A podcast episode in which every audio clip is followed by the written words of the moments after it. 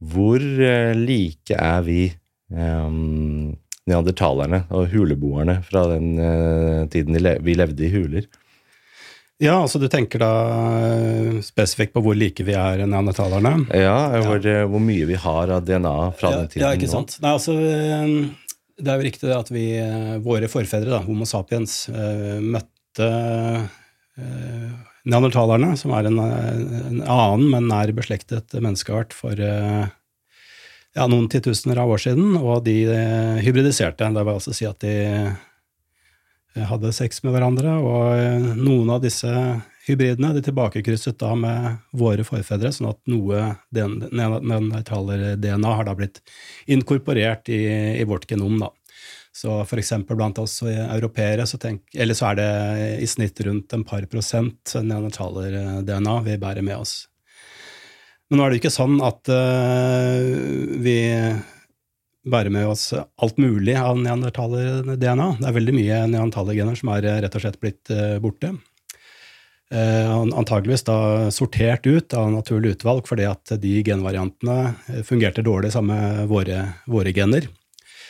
Så du har altså store strekk i vårt genom helt, hvor det er helt ørken. altså Det ikke er noe neandertaler-DNA i det hele tatt. Og det er jo interessant da å å undersøke hva slags gener er det som fins i disse her eh, neandertalerørkenene, hvis vi kan kalle det det.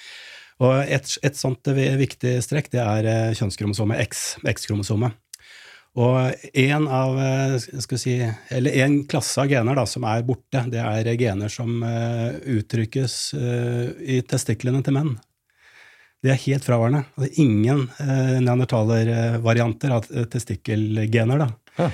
Eh, og en sannsynlig forklaring på det er rett og slett at eh, hannhybridene mellom eh, sapiens og neandertalere var sterile. Ja. Så det er altså eneste eh, kilden til genflytt inn i vårt genom da var da via fruktbare hundehybrider. Aha. Har man en forklaringsmodell på det? Hvorfor det ble Det er faktisk et veldig vanlig mønster i naturen at hybriden av det kjønnet som har ulike kjønnskromosomer. Altså, hos oss er jo det hannen ikke sant, som har XY.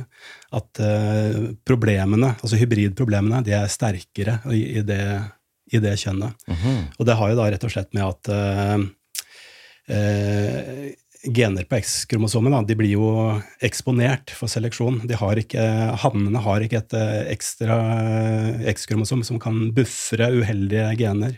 sånn at Eh, Hannhybridene blir da mye mer utsatt da, for eh, slike gener som ikke er kompatible mellom artene. Mm -hmm. Hvilke egenskaper er det vi fortsatt har nå i dag fra neandertalerne? Jeg hører jo blant de at man sier at ja, vi, heldigvis så har vi noen sånne neandertalergener som kanskje beskytter oss mot sånn og sånn. Man, man snakker om sånne der enkeltting.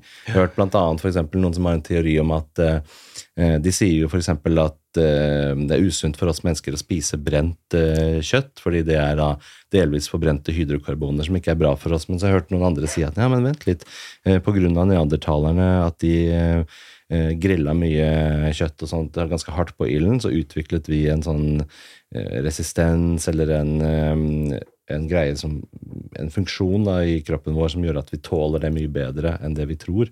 Har du også hørt den, eller kan du noe noen andre ting som vi liksom tåler? På grunn ja, ikke sant. Altså, eh, akkurat den uh, hypotesen der har jeg ikke vært borti. Så, mm. uh, men uh, altså det er vel få gode eksempler, jeg, eller altså overbevisende eksempler jeg har lest, da, hvor vi har arvet sånne åpenbare tilpasninger fra neandertalerne. Det, det, har vært noen eh, forslag og noen ting som er diskutert i litteraturen, bl.a. en større nese og, og slike ting. Mm. Men altså eh, hvor god empirisk støtte man har for de hypotesene, det, der er jeg litt mer, litt mer tilbakeholden, da, kan du ja. si. Eh, vanligere er det jo egentlig at, at vi ser eh, neandertalergener i forbindelse med uh, ulike genetiske sykdommer. Altså. Ja. At, at, det er, eh, fortsatt er på en måte eh, neandertalergener som er eh, i prosessen med å bli sortert ut av seleksjonen. Oh ja. Hva slags type sykdom kan det være? Ja, altså Ulike genetiske sykdommer viser det seg da, i en del tilfeller da, at det er genvarianter Eh, når vi da får de i dobbelt dose, at de gir uh, ulike uh, ulike sykdommer. Da. Okay. Altså, jeg, jeg kommer ikke på noen Mm. konkrete eksempler Nei, nei. nå, men altså i, i, klassen liksom Huntington og, og sånne, Ja, ja. den typen Riktig. genetiske sykdommer. Da. Mm. Riktig. Ja, det er spennende. altså. Hvor, hvor stor prosentandel vil du si av på en måte, DNA-et vårt er liksom, Opphavet er um, neandertalsk, også, som er der fortsatt, kan du si? Kan man si liksom at sånn som 5% av DNA-et vårt er direkte koblet til neandertalerne? Går det an å prate på den måten? Eh, Ja da, det, kan, det går an. Altså, du kan jo si at hver enkelt av oss i snitt har eh, rundt 2 Jeg har faktisk testa meg selv, så jeg har, Ja. jeg har, jeg har litt mer enn snittet. Ja, ja. Litt nærmere neandertalerne. Men altså, det er vel eh, Det er, det er jo en, en større andel enn en det, da, Ja. totalt sett, av neandertalergener som skal vi si sirkulerer Ja. i, i populasjonen. Okay. Det, der er det kanskje da opp igjen nei, det, nå stikker jeg bare en finger Ja, i luften her, men la oss si kanskje det, det er eh, 10 da. Ja, såpass mye. Ja. Riktig. Men hver av oss har jo sjelden eh, alle de variantene. Ja, ikke ja. sant? Ja. Fordi det jeg hørt også at evolusjonen den bygger på en måte at eh, den tar med seg det som fungerer. Den går ikke tilbake og endrer det, den bare bygger lagvis oppå og oppå. oppå. Sånn at vi nødvendigvis må jo ha med oss ting fra disse gamle artene av mennesker. Absolutt. Men hva heter de der andre artene igjen? Du har Homo sapiens, ikke sant? det er oss nå, men så neandertalerne, og så har du Homo erectus, er det ikke det igjen? Og så har du mange av de andre. De snakker man ikke så veldig mye om, eh, i hvert fall ikke som jeg får med meg. Eh, er, det, er det like mye prat om de ulike artene der, og hva vi har fra dem også? Ja, ikke sant. Eh, altså, mm, grunnen til at vi har eh, at det er skrevet veldig mye om neandertalere og et annet, en, en annen eh, slik art, det er denisovan- eh, Mm. det er at eh, de levde for såpass kort tid siden at eh, vi fortsatt kan eh, få ut intakt DNA fra eh, biologisk materiale. Da. Så, vi, så vi, vi har eh, fullsekvensert genomet til både denisova og neandertalere. Det er helt Så- utrolig at man klarer det. ja da, ja, det, er, det er jo det. Altså, eh, DNA er jo et molekyl, ikke sant? så det, det fragmenteres over tid, men eh, innenfor et visst uh, tidsspenn, da, som er, da kan være snakk, snakk om opptil noen ja, Kanskje så mye som noen hundre tusen år, så, så er det altså mulig å, å gjenskape DNA-sekvensen. Helt utrolig. Hvordan er dette her oppbevart da? Er det liksom bevart i kan du si, leire og sånn, eller er det is og permafrost og sånn? Hva er det som gjør at det har klart å beholde, bevare strukturen sin? Altså, det er jo i biologisk materiale. Altså Mm. i eh, altså for eksempel eh,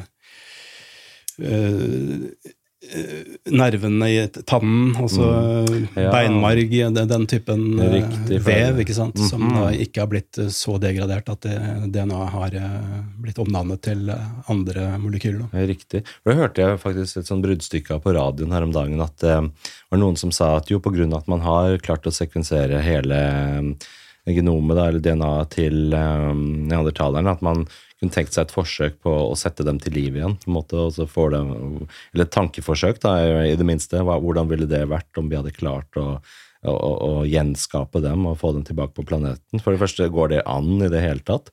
Eh, tror du? Eller, eh, og hva ville konsekvensen av det vært?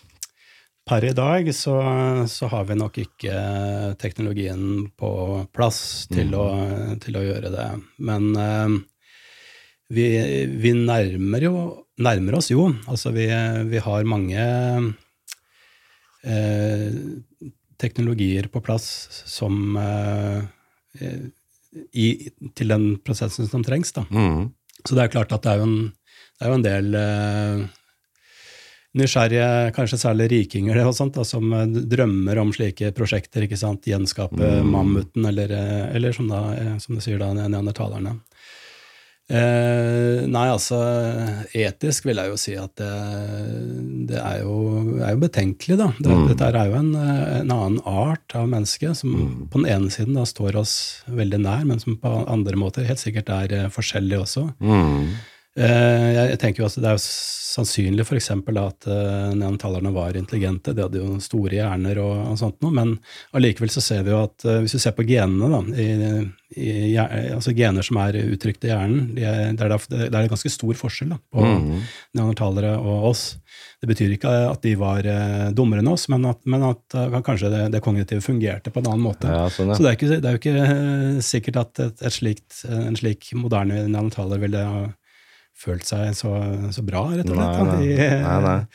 Ja, alt, som alene Ja, ja. i en, eh, Vi hadde sikkert satt dem i en dyrehage. ikke sant? Ikke sant? Se, gå og se på neandertaleren. Altså. så. Det blir vanskelig, selvfølgelig. Men hva ville skjedd sånn hypotetisk hvis man tok den neandertaler-DNA og så satt det inn i en, i en eh, menneskekvinne, da, en Homo sapiens kvinne som lever nå i dag, og så liksom prøvde å pare det? Hadde det gått an, tror du? Eller blir det for stor avstand mellom eh, DNA-et? Altså, det, vi vet jo litt om det der, da. Hvor, mm. altså, hvor, hvor stor kompatibilitet det var Mhm. mellom neandertalere og, og oss, det har man Mhm. kunnet regne på. Så man, altså et, et regnestykke, der hadde man estimert at eh, eh, at det var én vellykket hybridisering eh, mellom de to artene hver 77. generasjon. Oi. Så det, det var altså ganske kraftige artsbarrierer, da, egentlig. Mm. Altså, som sagt, eh, sannsynligvis så var eh, hannhybridene helt sterile. Ja.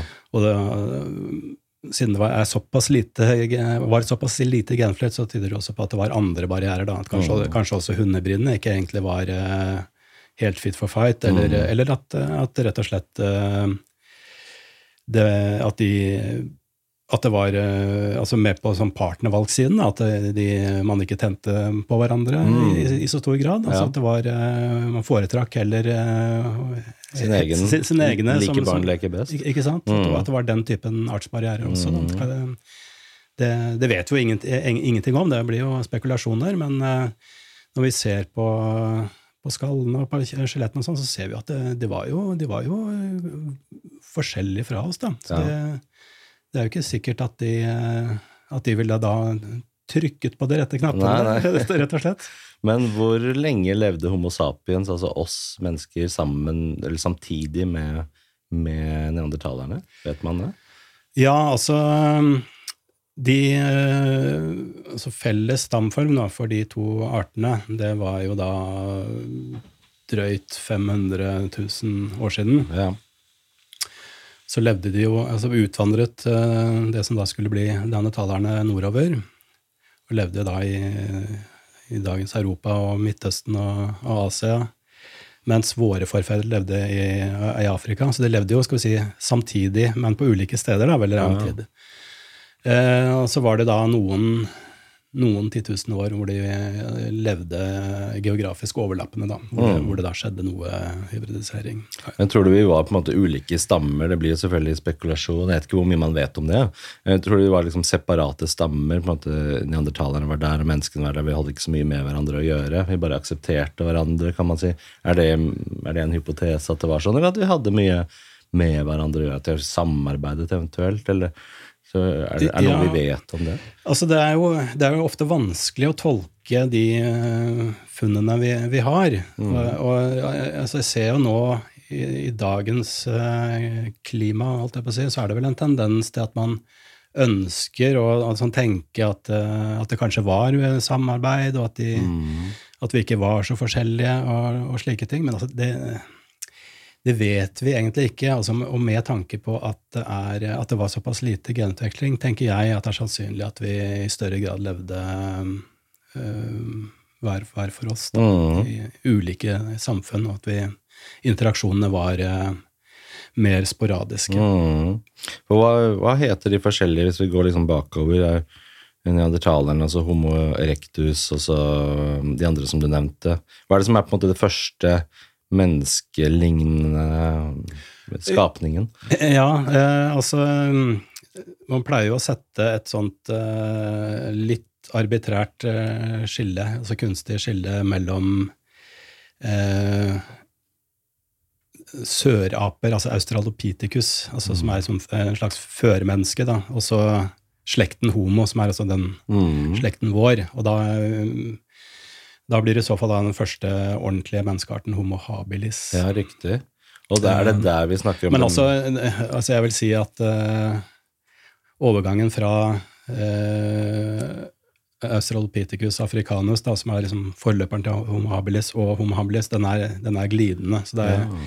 det blir egentlig litt sånn uh, igjen stikke fingeren i luften og, og sette en strek et sted. Altså, Ja. Men altså, det skjedde jo ting, da, kan du si. Altså, med Homo habilis så, så fant, fikk vi den, eh, egentlig den første ekspansjonen av eh, kranievolum. Mm. de- Vet man hvorfor det? Hvorfor det skjedde?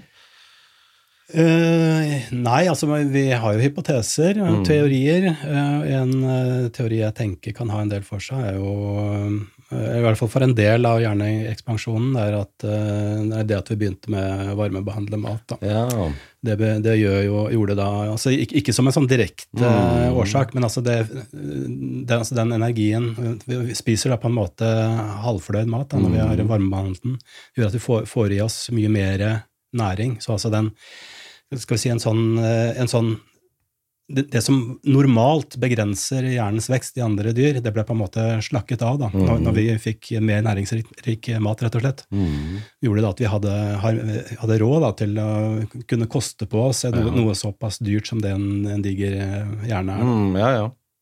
Og også kan du si, kan det, er det også en hypotese med seksuell seleksjon, at de smarte, eller ja, smartere, rett og slett, da, individene på en måte ble selektert av partene fordi oi, du er, virker som du har høy intelligens, på en måte, og så blir du valgt fordi du er attraktiv. Ja, ikke sant? Det er også en uh, hypotese. Det er en, skrev, det er en, en kar som heter uh, Miller, som har skrevet, skrevet en bok i uh, 2000, hvor han eh, utbroderer en sånn hypotese da, om at eh, veldig mye av det vi kan tenke på som særmenneskelig kultur, da, altså det kan være snakk om alt fra musikk, dans, humor, eh, altså verbale, ablegøyer og den slags, at det eh, mener han da i stor grad kan forstås som eh, seksuelt selekterte karakterer. Da. Altså at vi eh, ja, har funnet det att- attraktivt eh, i hverandre og, og med partnere som, som er, er gode på de tingene der, og så har det på en måte bare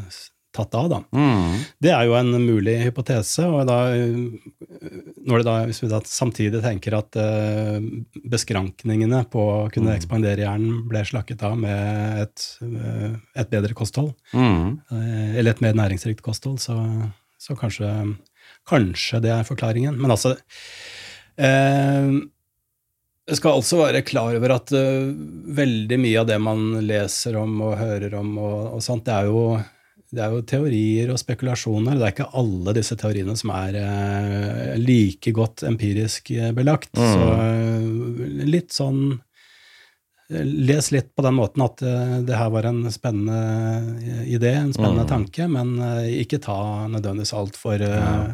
For eh, Ja. godt dokumentert Ja, ja. eh, evidens. da. Ja, så blir det så lang tid siden også, og så er det vanskelig kanskje å få kartlagt de andre eh, DNA-ene, f.eks. til homo habilis og sånn, kanskje blir vanskelig å få tak i det. Og så, hvis, kanskje hvis vi hadde klart å kartlegge alle DNA-ene oppover, så hadde vi begynt å se enda mer sammenheng. Jeg vet ikke om det hadde hjulpet sikkert vitenskapen, og, hvis man får til det.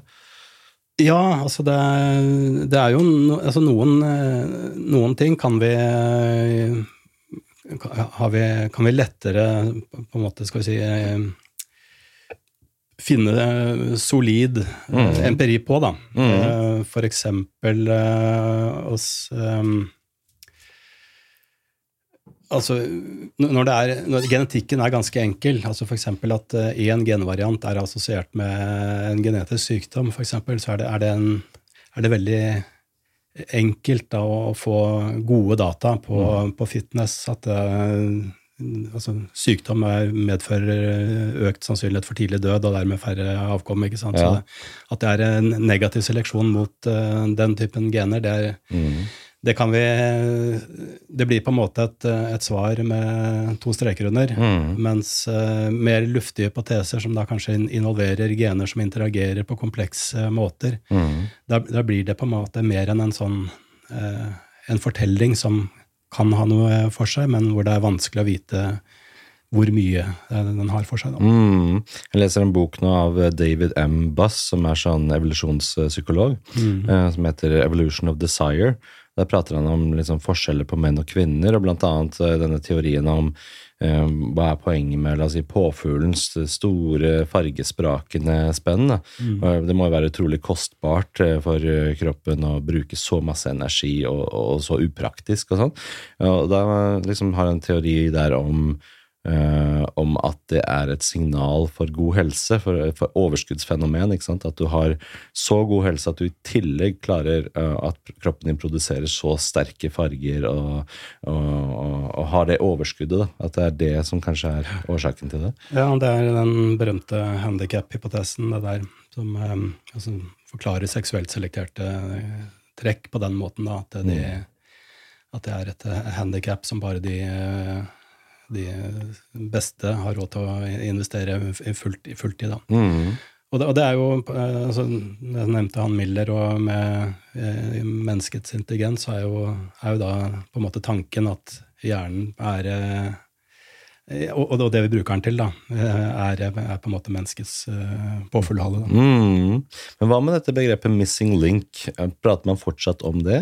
Og gjelder det den der overgangen mellom disse sørapene som du nevnte, og også Homo habilis? Er det, er det inni der man har snakket om the missing link, som man har lett etter, som man ikke skjønner helt den overgangen her? Nei, det er, eh, det er eh, altså det, det er noe sånn, som har hengt igjen fra diskus, diskusjoner som gikk på eh, midten av 1800-tallet. Okay. Altså det, er, eh, det er en helt forlatt måte å Ah. tenke på. Altså det vi, du kan vel si at eh, altså fossilrekken er jo er jo, vil aldri være komplett. ikke sant? Det er jo tilfeldig at eh, forholdene ligger til rette for at akkurat eh, det dyret eh, befant seg på et sted da det døde, at det raskt ble begravet, og at forholdene lå til rette for at det ble, ble til et fossil. Så, så eh, de skal vi si, øyeblikksbildene vi har av evolusjonen gjennom fossiler, den er jo uansett veldig fragmentert, så du kan jo si at vi har jo um, milliarder på milliarder av eh, missing links. Da. Ja, sånn, ja. Så, så, men eh, eh, fossiler er jo, er jo bare én av kildene til eh, eh, informasjon vi har om, om evolusjonen. Mm. Og i, i dag er jo genetikken eh, overlegent eh, mye viktigere da, for å studere slektskap og, og utvikling, utviklingsligner, altså ved å sammenligne genomene, altså ge- genmaterialet da, til ulike arter, så kan vi rekonstruere evolusjonshistorie, og vi kan også se tegn på eh, i, i altså hvordan variasjonen for, fordeler seg i genomet. jeg ser tegn på at her har dere naturlig utvalg eh, selektert på, på trekk. Det, har, det gir seg da utslag i hvordan variasjonene rundt, et, rundt ser ut. Og, så vi kan lære veldig mye av evolusjonen av å, av å studere um, genene. Mm. Kan, man, kan vi ta den derre hvordan vi mennesker ble til å bli Altså kom til å bli mennesker? Det er et spørsmål som datteren min på syv år spør. 'Pappa, hvordan ble vi mennesker? Hva, kom før oss? Var det fisker og alligator og sånn, og så ble vi mennesker?' Det er Sånn, skulle gjerne hatt et godt svar på det spørsmålet. Hvis vi kunne tatt det helt fra starten av. Først så var det vel helt sånn mikrobeliv, eh, enkle molekyler og sånn. Eller helt liksom fra begynnelsen av. Hva, hva kom aller først? Det aller første var nok eh, et eh, molekyl med evnen til å formere seg. Så DNA har den evnen. Altså Ja. en, Et DNA-molekyl består, består av to kjeder, og hver av de kjedene det kan konstruere eh, identiske speilede kjeder. Ja. Og dermed kan ett DNA-molekyl bli til to. Mm. Et annet molekyl med den evnen er eh, RNA, som er en, på en måte en enklere variant av eh, DNA, som antageligvis eh, eh, kom tidligere i evolusjonshistorien enn DNA. da. Vet vi hvorfor det bare oppsto? Altså, det er jo Det kan jo sammenlignes med altså, Du kan si de komponentene RNA, øh, disse molekylene, består av, de, de er, oppfører seg slik seg imellom, altså med kjemiske bindinger og sånt, at de, at de hviler i en sånn øh, dobbeltspiralstruktur, litt på samme måten som det kvartsmolekyler hviler i en, en gittersystem som lager krystaller. ikke sant? Så det er på en måte en, en egenskap ved, eh, ved disse molekylene. Da, at de, de eh, Istedenfor å danne kvartskrystaller, så danner de dobbeltkjeder mm -hmm. som er tvinnet som en dobbeltspiral. ikke sant? Mm. Og den, den si, kjemiske egenskapen ved de molekylene gjør at, de, at de, ting ligger til rette da, for at de kan formere seg, og dermed sette i gang en evolusjonsprosess. Mhm. Så det ligger liksom i, i, de fysiske lover at det er sånn det ligger latent for den typen bestanddeler? Ja, ja, ja sånn, det, det, at, det, er det, at, de gjør? Det at de har evnen mm. til å formere seg, eller, mm. eller kopiere, kopieres, da, det, mm. det, innebærer da at de, det gjør de.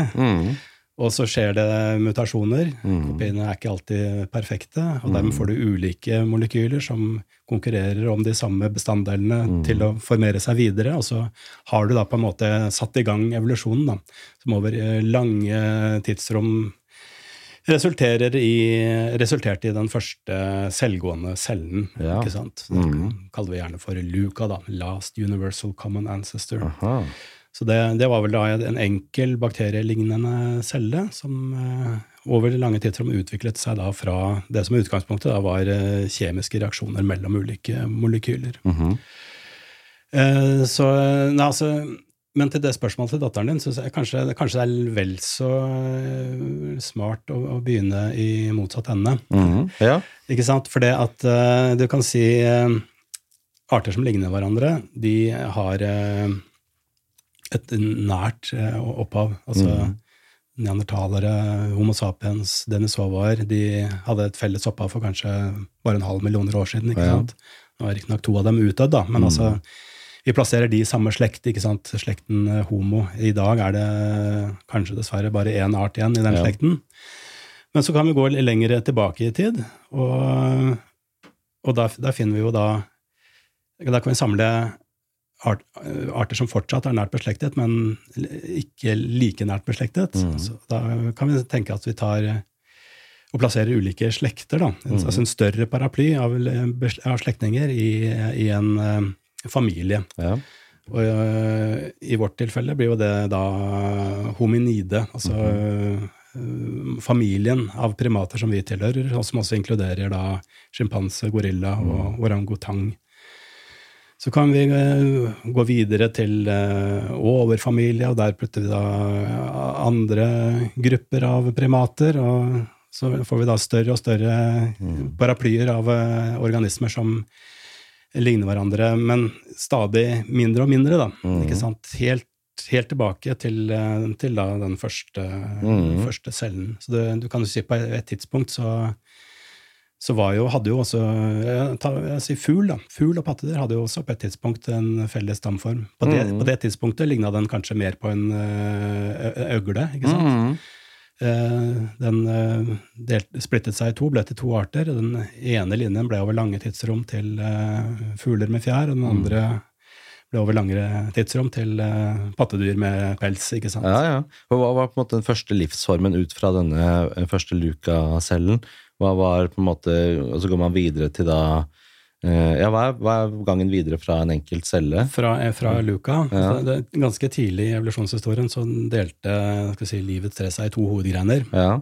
Det ene var eh, bakteriegrenen. Ja. Det andre var arkebakteriegrenen. Det høres ut som noe som er enda mer arkaisk enn mm. bakterier, men altså de er, de, er to, de to hovedgrenene. Mm. Og det er faktisk den arkebakteriegrenen som eh, er altså, hovedbestanddelen av det som skulle bli til eh, våre forgjengere. Mm.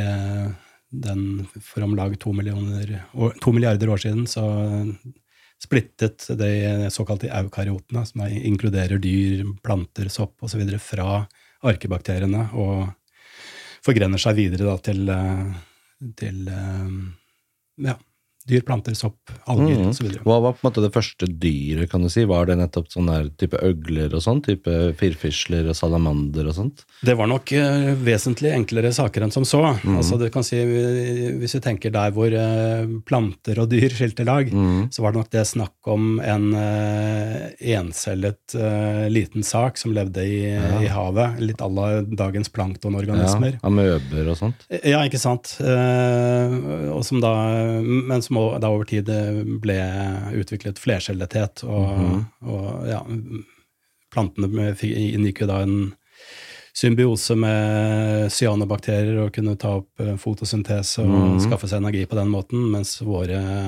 våre encellede forfedre de spiste ja. planteplankton. Ja, ja. Og ja, eh, tok en annen evolusjonær retning. da. Så det første, liksom det vi kan kjenne, eller det vi ville kalt et dyr i dag, eh, når man kommer opp mer avanserte stadier enn fra på en måte, amøber og mikrober, hva er det på en måte det første som vi i dag ville gjenkjent som å, et dyr? Eh, hva kan man, hva, Ja, man, pleier, man pleier jo ofte å si at svamp da er den enkleste, Ja. enkleste dyret som fortsatt eh, finnes. Mm. De, de er flercellede. Altså, mm. de er, eh, hvis jeg tenker flercellede dyr, da. Mhm. De, de er flercellede, men de har ikke um, differensierte celler. Altså, de har ikke ulike organer, f.eks.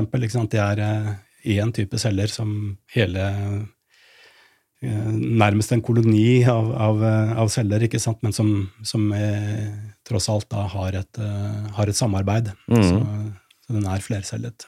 Og denne her blir videre igjen til Hva blir de mer avanserte formene da, etter det? Ja, den, hvordan går dette videre til altså, firfisle eller fisker og sånn? Ja, det, det, det, det, er, det ganske et stort, eh, stort spenn eh, derfra. Da, så, Fra de første si, enkle flercellede dyr til eh, de splitter seg videre i, det er flere eh, hovedgrupper. Det var én hovedgruppe som da blir til, eh, ble til eh, dagens maneter og, Mm. og sånt. Som er splittet av ganske tidlig fra, fra hoved, hovedgrenen. Mm. Så var det en gren som splittet av og ble til eh, nesledyr og slikt, mm. altså kråkeboller og sjøstjerner og, Mm. og sånt. Men så eh, har vi jo på et eh, For ja, la oss si en 550 millioner år siden der omkring, så, så kommer da de første ryggstrengdyrene, da, altså mm. gjenkjennelige ryggstrengdyr, som er eh, den gruppen av dyr som vi tilhører, da, som Ja. da etter hvert får en ryggvirvel og knokler og Ja. Og hva slags type dyr var det? det var vel, hadde- eh, lignet vel mest eh, Mest av, av, av dagens dyr så ligner det vel da mest på en veldig primitiv fisk. da. Ja. Du, har, du har jo eh, noe som heter lansettfisk, som er en sånn veldig Eller som har bevart veldig mange av disse primitive, enkle trekkene. da. Og også, også tunikater er i den gruppen. Som, Aha, så vi kan si at våre forfedre er på en måte fisker? Det er, det er Hvis man ja, ja, det er det jo, tilbake det, det er det jo så var vi fisk. fall. Altså, Mm. vi, eh, altså, og, og lenge. Altså, lenge var jo våre forfedre uh, ryggstrengdyr og virveldyr som levde i havet. Og, Ja. og eh, så vi, hadde vi sett dem i dag, så ville vi tenkt at uh, her, dette her er en fisk. ikke Ja. sant? Og hvordan går det videre hvis vi skal ha fokus Derfra, på derfra til så, mennesker? Liksom? så har du jo eh, fisk som begynte å snuse på land, da. Ja. Som, eh, Am- Amfibier? ikke sant? Så det, overgangen fra fisk til amfibier er jo en, en viktig evolusjon, Ja. ev- evolusjonær hendelse. Vet man Og- hvorfor det skjedde? Hvor- Hvordan de gjorde det? Hvorfor de gjorde det? Nei, men altså, vi kan jo eh, studere eh, fisk og amfibier i dag og, få ideer til hvordan dette kan ha skjedd. Altså, du har jo eksempel lungefisk, som mm. er eh, på en måte den gruppen av fisk som ligger nærmest amfibiene i forhold til andre fisk. Så, så er det jo Så, så kan jo de eh, overleve at dammen, eller vannet de lever i, tørker ut. Mm. Og da mm, har de lunger, så de primitive, enkle lunger, som Mm. gjør- at de da kan overleve en stund da, i, på, på land til, Mm. til regnet kommer og, Mm. og, og, og forholdene igjen blir bedre. Da. Mm. Man kan jo tenke seg at det kan ha startet der, ikke sant? en ferskvannsfisk som var utsatt for periodevis eh, tørke, og som måtte da utvikle tilpasninger for å kunne overleve en periode Mm. Av tørke. Kanskje også etter hvert da eh, evnen til å kunne loffe seg Mm. fra der den var, til, eh, Ja, til, ja. til nærmeste pytt. Da finnene ble til loffer. Ikke sant, Mm. ikke sant? Så vi kjenner jo, altså Når vi ser på noen av disse eh, nålevende fiskene, da, som er nærmest eh, beslektet med amfibier, så, så, så, vi, eller så finner vi jo igjen mange av de samme knoklene i deres finner. Ja. Eh, kjenner vi igjen som f.eks. overarmsbein, eh, Mm. lårbein, eh, håndknokler og sånt. Vi, Mm. vi, vi ser at de er eh, de samme knoklene, bare at de da ikke har ikke blitt differensiert til lemmer ennå hos disse, disse, disse Mm. fiskene. Vet man hvilken liksom, rekkefølge videre som ledet direkte til mennesker? Vet man hvilken liksom, fisk vi, vi var først, kan du si. da, Så blir man til den fisken, til den fisken, til den fisken, og så ultimat nei, altså, til mennesket. Det er jo, det er jo litt, litt sånn kjelkete, for det vi, vi bruker jo gjerne navn på enten da fossiler som er utdødd, eller på nålevende arter som ligner på de Mm. fossile artene. ikke sant? Så vi har jo den store gruppen av fisk som inkluderer lungefisk og Mm. de såkalte kvastfinnefiskene, da, som er eh, så den gruppen av fisk som eh, fortsatt det finnes representanter av, men Mm. som da i sin tid da ga opphav til eh, amfibiene, Mm. altså, som i dag er representert ved salamandere og, og frosk. Ja. Salamanderne ble stadig bedre tilpasset det å kunne overleve i, utenom vannet. Da. Og ble etter hvert da, fikk da en reproduksjon som var uh, uavhengig av vann, og de, mm. med et egg som, som, som tåler tørke. Da. Ja. Så da, da, da kaller vi dem for uh, krypter. ja. Og én gren av krypter ble til eh, pattedyr Mm. for en sånn ja, drøyt 300 millioner år siden. Hva slags pattedyr var det? Ja? Vet man? De aller første pattedyrene la egg, sånn som krypter gjør, og sånn som f.eks. nebbdyret og maurepinnsvin i Australia mm. fortsatt gjør. Så de var da såkalte eggleggende kloakkdyr. Mm -hmm. Men for da om lag en eh, 180, mellom 180 og 200 millioner år, siden, så eh, utvikler da våre forfedre en morkake. morkake. -hmm. Som gjør at da fosteret kunne klore seg fast i livmorveggen til mor og Ah. vokse seg stor og robust i mors mage, istedenfor å da bli ploppet ut i et eh, skjørt egg. Det er en stor forskjell. Det var en viktig, en viktig evolusjonær hendelse. Mm. Det er klart. Hva slags dyr var det som gjorde det? Vet man? Altså den, eh, det var jo et pattedyr, Ja. eh, så den eh, må jo da ha lignet litt på dagens Altså se for deg et eller annet eh, i nærheten av maurpinnsvin, eh, spissmus Altså Mm. noe som så noe à la sånn ut, men som Mm. da i utgangspunktet la egg. Og så skjer det da i en av disse artene en overgang hvor da embryoet, fosteret, Mm. istedenfor å eh, ploppe ut med egget, klorte, Mm. seg, klorte seg fast i, Mm. i livmorveggen og ø, vokste seg større ø, før, ø, før den ble født. Da. Og dermed ja, var bedre beskyttet da, fra omgivelsene Ja. og hadde høyere overlevelse. Så da kan man kanskje forklare den der eh, Hva kom først, høna eller egget? Der må det ha vært egget, da. Egget kom helt klart først. Ja, dette, Da har vi endelig et svar på den. Da skal jeg bruke den siden noen spør om det. Eh, Nei, riktig. Og derifra videre til mennesket, hva er det vi ser da? Før eh, mennesket dukker opp, eller eh, neandertalere, tidlige utgaver av aper? Ja, nei, altså fra et øh, eggleggende kloakkdyr til et morkakedyr, Mm. som kanskje først da var øh, et enk hadde enkel morkake, à sånn som dagens pungdyr har, til, Mm. til øh, mer effektive morkaker, som da gjør at fosteret kunne bli i magen enda lengre. Uh, så uh, har vi jo da en Altså, dette her skjer jo til dels da før, men også parallelt med universet eh, men, eh, Parallelt med, Ja, med di- di- di- dinosaurenes eh, æra, da. Ja. Ikke sant? Så eh, mot slutten av dinosaurenes tid så har allerede noen av eh, hovedgruppene av pattedyr begynt å forgrene seg. Altså i det som da skulle bli til eh, spissmus, det som skulle bli til Mm. primater, det som skulle bli til gnagere osv. Begynte så smått da å Mm. forgrene seg da for en, ja, la oss si en 70-80 Mm. millioner år siden. Og altså allerede ved når den store asteroiden kom som tok knekken på dinosaurene, så, så har vi jo primitive primater da, som, som hadde eh, ja, eh, altså I motsetning til f.eks. hest, da, som har reduserte Mm. føtter, så bevarte primatene en, en fem fingre Ja. fem tær. Og Ja. etter hvert da en, en god gripehånd med, med negler istedenfor klør og slike ting. Mhm.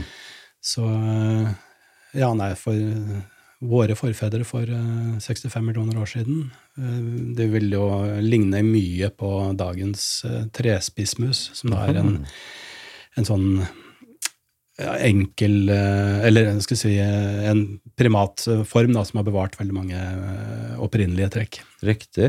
Men da vil du si at eh, disse artene her overlevde faktisk den asteroiden som tok knekken på dinosaurene, eller måtte evolusjonen begynne på nytt Nei, de, de overlevde selvfølgelig. Ja, de gjorde det. det. Ja, Mm. er, eh, den eh, tok knekken på mye, men eh, ikke på våre erfaringer. Er riktig? Aha. Eller, eller ingen av de artene som lever, lever i dag. Ja, Eh, Alle de overlevde asteroiden. Eller deres forfedre. riktig. Eh, aha, Og hvordan går det videre da fra spissmus-lignende greier og opp mot eh, aper? Ja, nei, de, de primatene tilpasset seg jo da et liv i, i trærne. Mm. Mange av de var jo insektetere. Noen begynte å spise frukt. og Mm. Forgrenet seg jo i ulike typer primater i løpet av de neste titalls millioner av år. Mm. Du hadde jo En tidlig avspretning var jo da de som ble til lemurer, Mm. som da har litt mer sånn, skal vi si, langstrakt, da, hundeaktig fjes fortsatt, eh, mens eh, våre forfedre fikk en avflatning av ansiktet, mm. og ble det vi kan da kalle for aper. Mhm. For eh, så kan vi spole litt frem til 35 millioner år siden. Da skjedde det en eh, splitt mellom eh, apene som i dag lever i eh, Amerika, Mhm. Sør- og Mellom-Amerika, og alle apeartene som lever i Afrika og Asia. Mhm. Eh,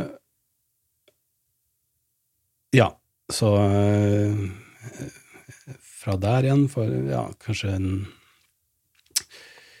20-25 millioner år siden, så splitter da eh, grenen som fører mot menneskeapene fra, eh, fra de andre østapene, sånn som bavianer og marekatter og sånt. Så ja. Eh, for da kanskje mellom ja, sånn seks-syv millioner år siden, så splittet da linjen som ledet frem mot eh, sjimpanse, fra linjen som ledet mot menneske. -hmm. Så i den siste linjen så finner vi da Australopithecus, eh, artene Homo habilis, Homo erectus, eh, neandertalere, dinosovaer og til Ja. slutt med moderne menneske. Aha. Nå har vi egentlig gått gjennom 3,5 milliarder år med evolusjon. Ja, vi har det. det var effektivt. Ferdig utlært. ja, men Det er fint å få et sånn overblikk på det, for nå har jeg endelig et svar å gi til Amalie, da, datteren min, når hun spør hva, hva kom først. Ja, men Det kan jeg si når jeg har snakket med Glenn Peter her, og nå kan jeg si at vi var faktisk fisk først. Først var vi fisk, vi var i vannet. Er det derfor mennesker er så glad i å være i vann, tror du? Tror du vi har, eller har vi mye av våre, vår genetikk tilpasset vann? Sånn som den, Hvis du har nyfødte babyer, og sånn, så er de den her um, pusterefleksen og sånn under vann. Er det mye av oss som, som fortsatt uh, bærer disse, denne tilpasningen til vann? Ja, altså vi er jo helt, uh, helt avhengige av vann. Altså vi, kroppene våre er jo hovedsakelig vann. ikke sant? Ja, ja. Noen strukturelle proteiner, og så er litt fett og, og carbs, og så er resten er vann. ikke Mm. Ja, ja. Men uh, de tingene der, jeg tror, jeg tror ikke vi skal eh, tenke at det er uh, etterlevninger fra fisketiden. Altså. Eh, hvorfor det er sånn at uh, spedbarn har en, en sånn refleks, det, jo, det vet vi ikke, men det er jo det er veldig spennende. Ja. Det er jo noen som da har foreslått den såkalte vannapeteorien, da, at Ja. eh, i en fase, tidlig fase i menneskets evolusjon at, eh, at vi i større grad da var eh, tilpasset å å leve sånn semiakvatisk, Ja, ja. og, og kanskje ja, var gode til å svømme og dykke, dukke, og, og dermed har, har bevart noen sånne reflekser av den grunn. Da. Skulle nesten tro det. Det, det er, den hypotesen er jo eh, igjen altså Vi har jo vært innom eh, spennende teorier som eh, kan være sanne, men hvor eh, vi egentlig har for lite faktisk eh, empiriske data til, å til Ja. å kunne si noe sikkert. Er Altså, vi, vi har jo ikke, vi har ikke noe fossilfunn, for eksempel, fra eh, akvatiske formennesker, eller, eller, eller noe sånt. Så det, det blir jo en, på en måte en sånn en artig historie som Ja, ja. kan pirre nysgjerrigheten, men som uh, foreløpig forblir, forblir, i det blå. Du kan si Nyfødte starter jo livet i vannet, i fostervæsken, og ligger jo i vannet fra starten. Og det, og, det, og det, er jo felles for alle, mm. alle landlevende dyr. Mm. De, er, de, er, avhengig av vann på den, på den måten. Mm. Er det ikke noen mennesker som blir født med mer sånn, si, svømmehud mellom fingrene? At det er en sånn genetisk feil, kan du si, men at det skjer iblant? Jo, det, det stemmer jo. Det stemmer jo for så vidt, det, ja. Det er den der huden vi har mellom der, kommer den fra det opphavet? At vi fortsatt har den genetikken helt fra liksom, amfibier og sånt? At det er en årsak til det? Eller er det, det far-fetched å anta? ja, nei Det har dukket opp i hodet mitt at kanskje det er, fortsatt er der. Ja, nei um, Altså, far-fetched er det jo ikke. Altså, vi tar, tar du historikken, så så, så, stemmer det jo. Men altså, du, må jo da tenke på at vi er jo ikke nærmere et, å leve i vann enn det andre, mm. andre landlevende dyr er. Ja. Så i den grad at si, våre hender det kanskje ligner mer på noe som kan brukes til å padle i vann, så, mm. så har nok det andre årsaker enn at vi en gang var am amfiber. Da. Ja, ja.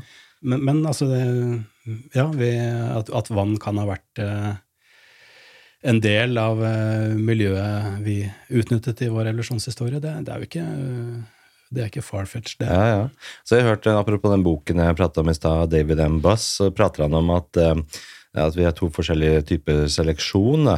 Um, og at den ene egentlig er litt sterkere enn den andre. Altså Vi har jo seksuell seleksjon, uh, men vi har også Uh, selvfølgelig 'survival of the fittest', altså darwinistisk seleksjon med Begge, begge typer seleksjon er darwinistisk, da. Ja, ja, ikke sant. Ja, jeg kan ikke så mye om det, bare hørt hva han sier.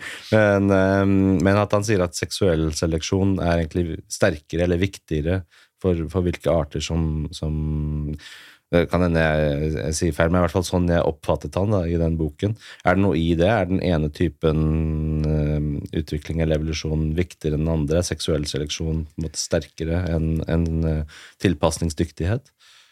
Uh, generelt kan man ikke si det, mm. men du har jo eksempler på arter hvor, skal vi, hvor skal vi si, Eh, forplantningen innen det ene kjønnet er veldig skjevfordelt. Altså at eh, f.eks. hos eh, storfugl, tiur, at den ene hannen står for brorparten av paringene, og de andre konkurrerer forgjeves. Altså du får en mm. veldig intens konkurranse om å pare seg.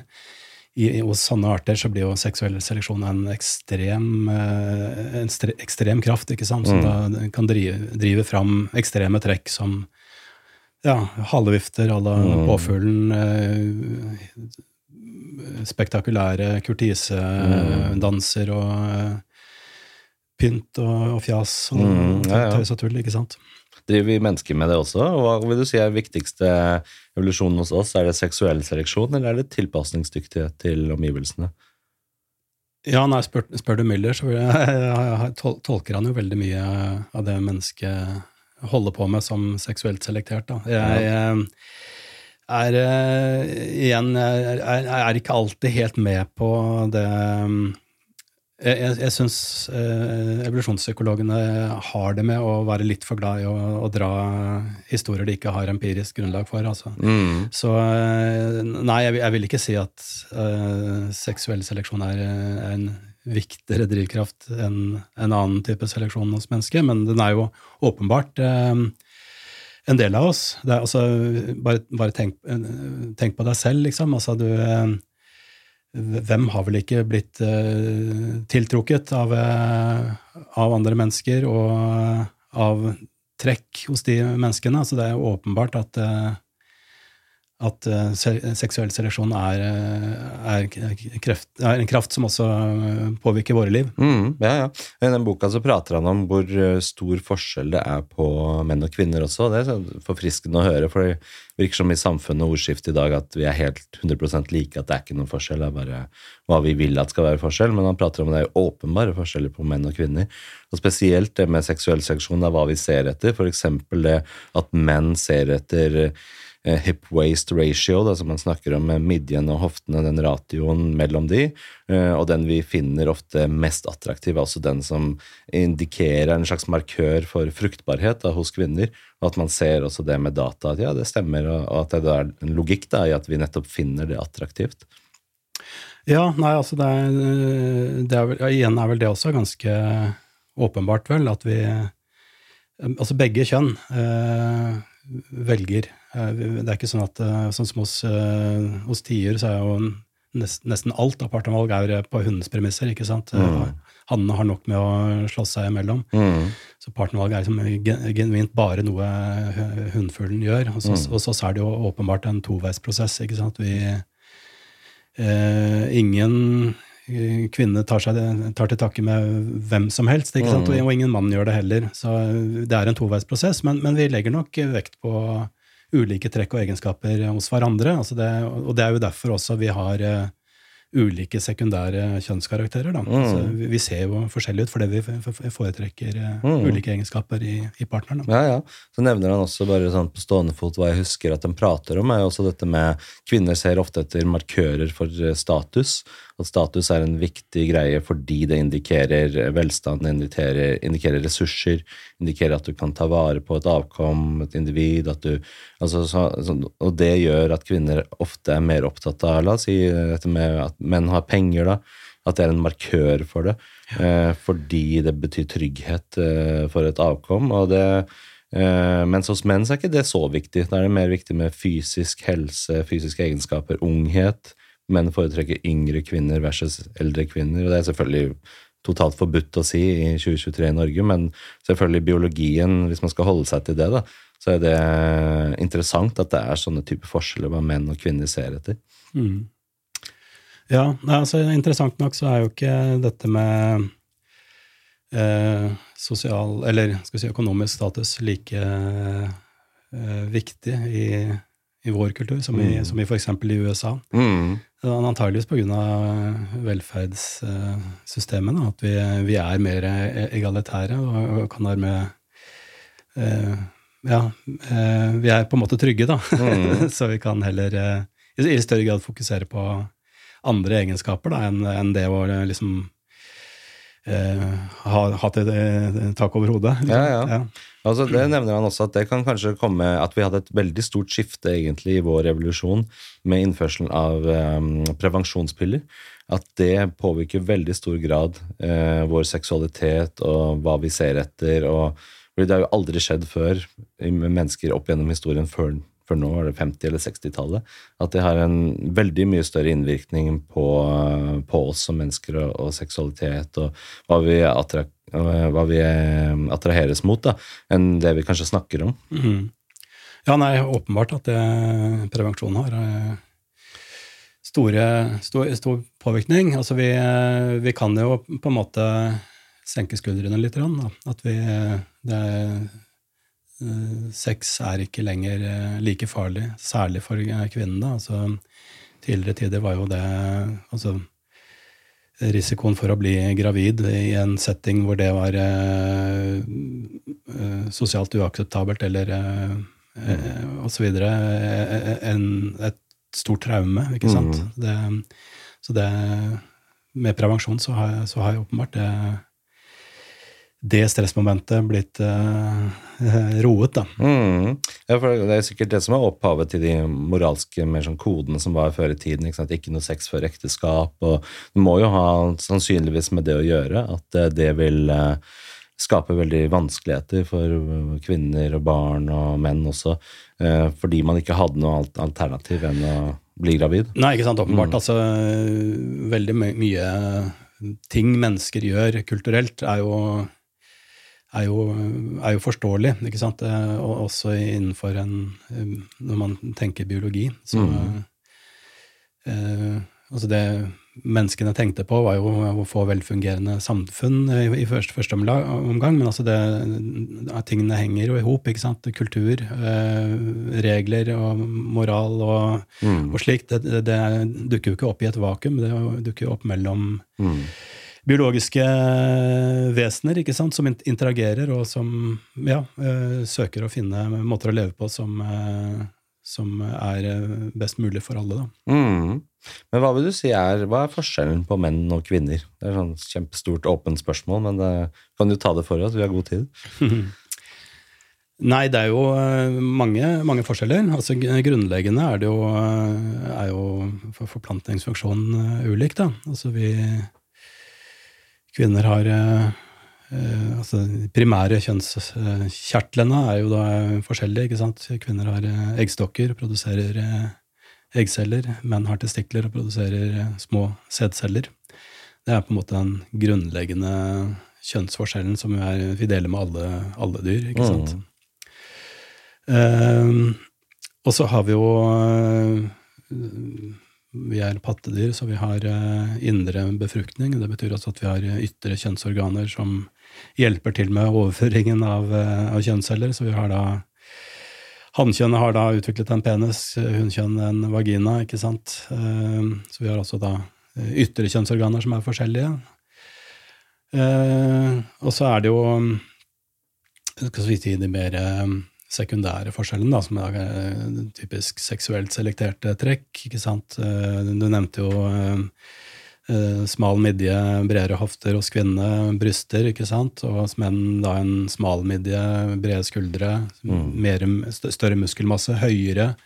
Mer ansiktsbehåring. Der, dette, og stemmeleie. ikke sant? Menn har dypere stemme enn kvinner. Dette er jo sekundære kjønnskarakterer som nok er utviklet for å ja, være attraktive rettet mot motsatt kjønn, og også, også, kanskje en del av mannetrekkene da, med muskelstyrke og sånt, at det er eh, eh, i konkurransen mellom menn om, eh, mm. om partner og, og sånt. Mm. Ja, det vi sier, jeg kaller intraseksuelt selekterte trekk. Da.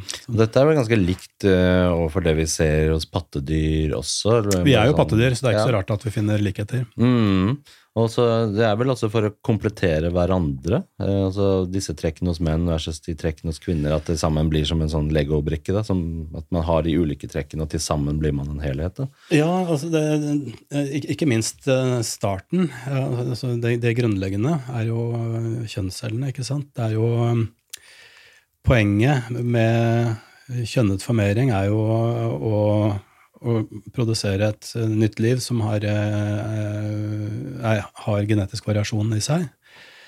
Og, eh, og, som da skal overleve, ikke sant. Og har på en måte hunnkjønnet sørger for den i større grad for den første biten, altså med overlevelse, med å produsere et stort egg med opplagsnæring og, og slike ting.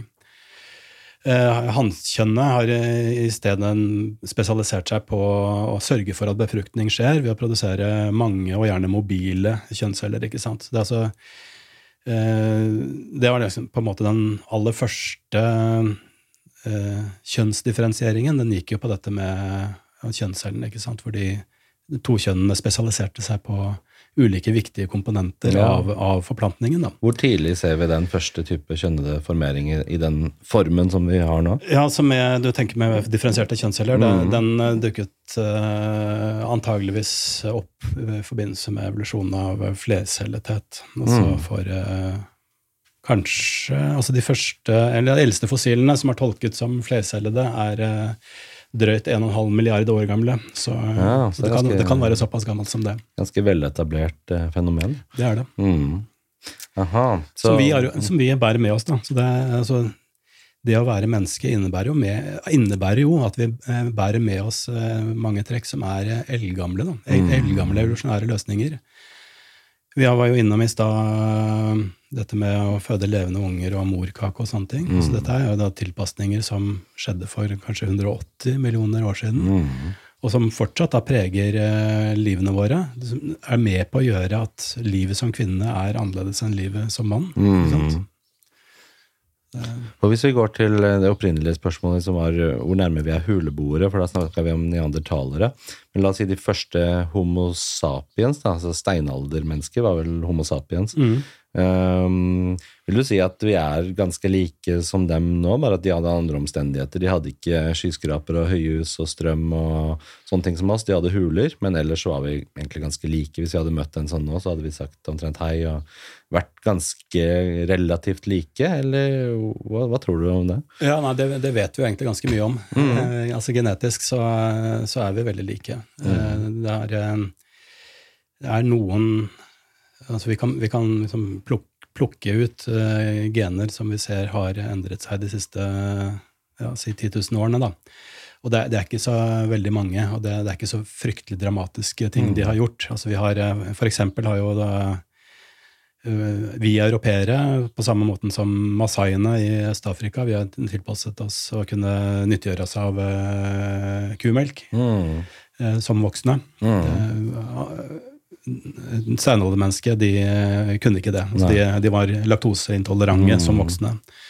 Så det, det, er jo en ny tilpasning, ikke sant. Og vi har blitt, eh, vi har blitt bedre til å, etter, etter jordbruksrevolusjonen til å, til å fordøye stivelse. Eller eh, altså eh, Jo, rett og slett stivelse. Vi har mm. Ting, ting, har skjedd med disse amylasegenene, som da bryter ned stivelse fra kornprodukter. da. Men vet man mye om liksom, hvordan steinaldermennesker levde?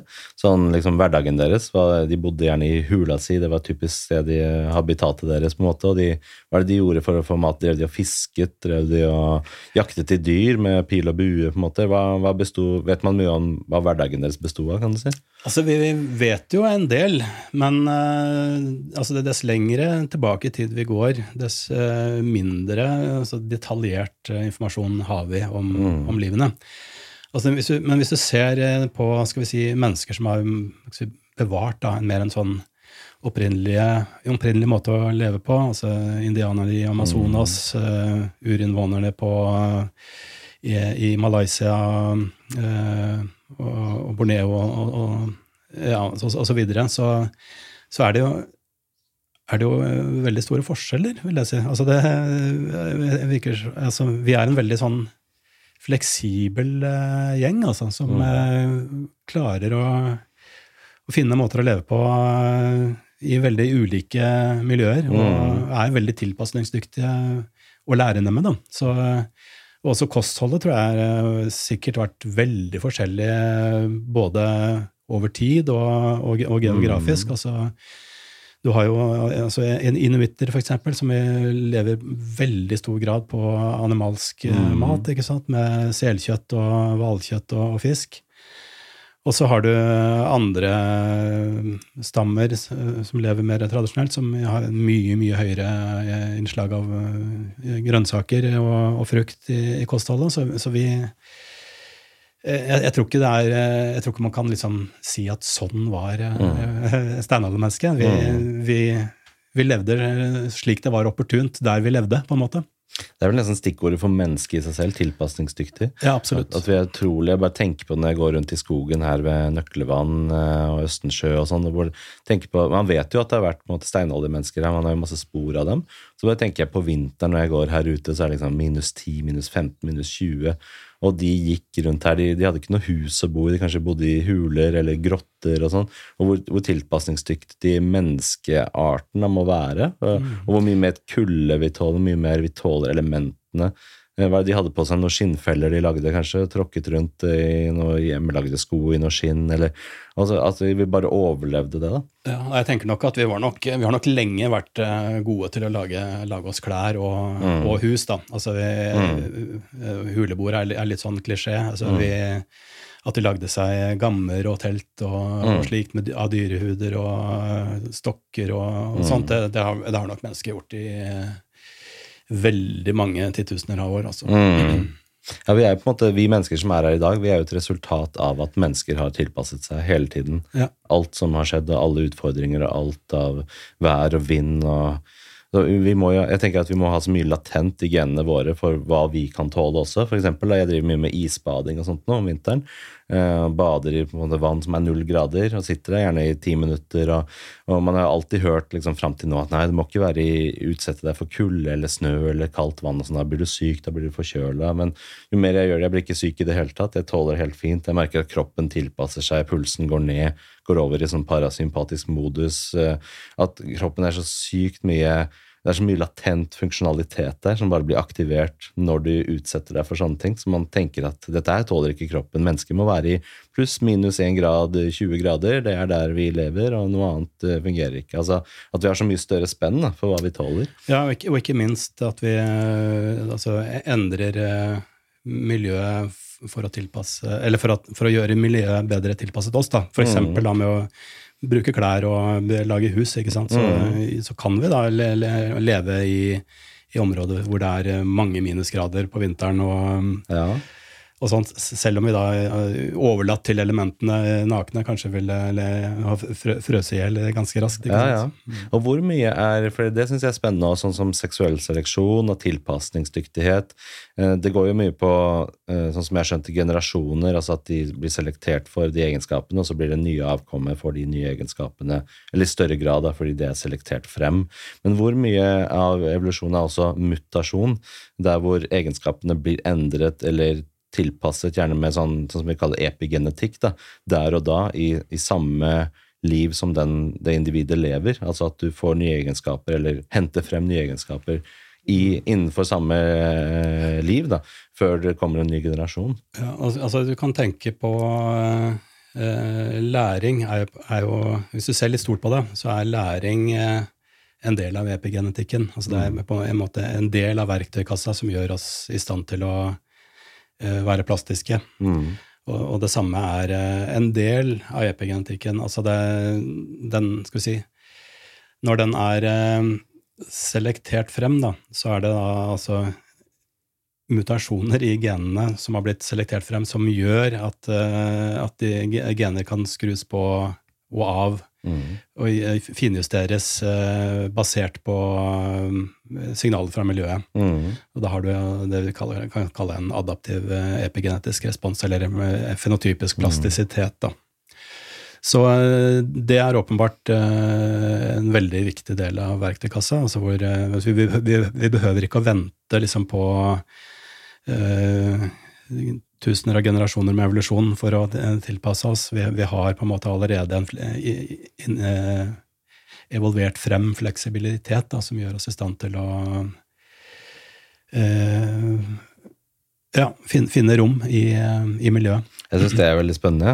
Det er det epigenetikkene. For frem til nå så føler jeg på skolen og sånn, så har jeg lært at nei, du blir selektert frem, men de, de, endringene kommer først i neste eller senere generasjoner, fordi det tar tid før det liksom blir selektert frem mellom seksuell seleksjon. Men det kan skje der og da. Ja, men du må, men, men du må huske at når, når, eh, vi har slike epigenetiske mekanismer som gjør at vi kan være fleksible på en hensiktsmessig måte, mm. så ligger det en genetisk evolusjon til grunn for den. Ja, det er sant. Mm. Så, så, så det, er, det, er, ikke sånn at uh, epigenetikk kommer inn som noe, noe, nytt som på en måte overstyrer evolusjonen. Den, mm. den et, den, også den er, en, er, er, et produkt av evolusjonen. Og, og, det er veldig, en veldig viktig eh, ting å ha med seg. Det, det, er, det er, veldig ofte misforstått. Mm. Altså, det, er, liksom du, du har eh, det har jo lenge vært en sånn, altså i deler av uh, akademia, da, en sånn skepsis mot alt, som,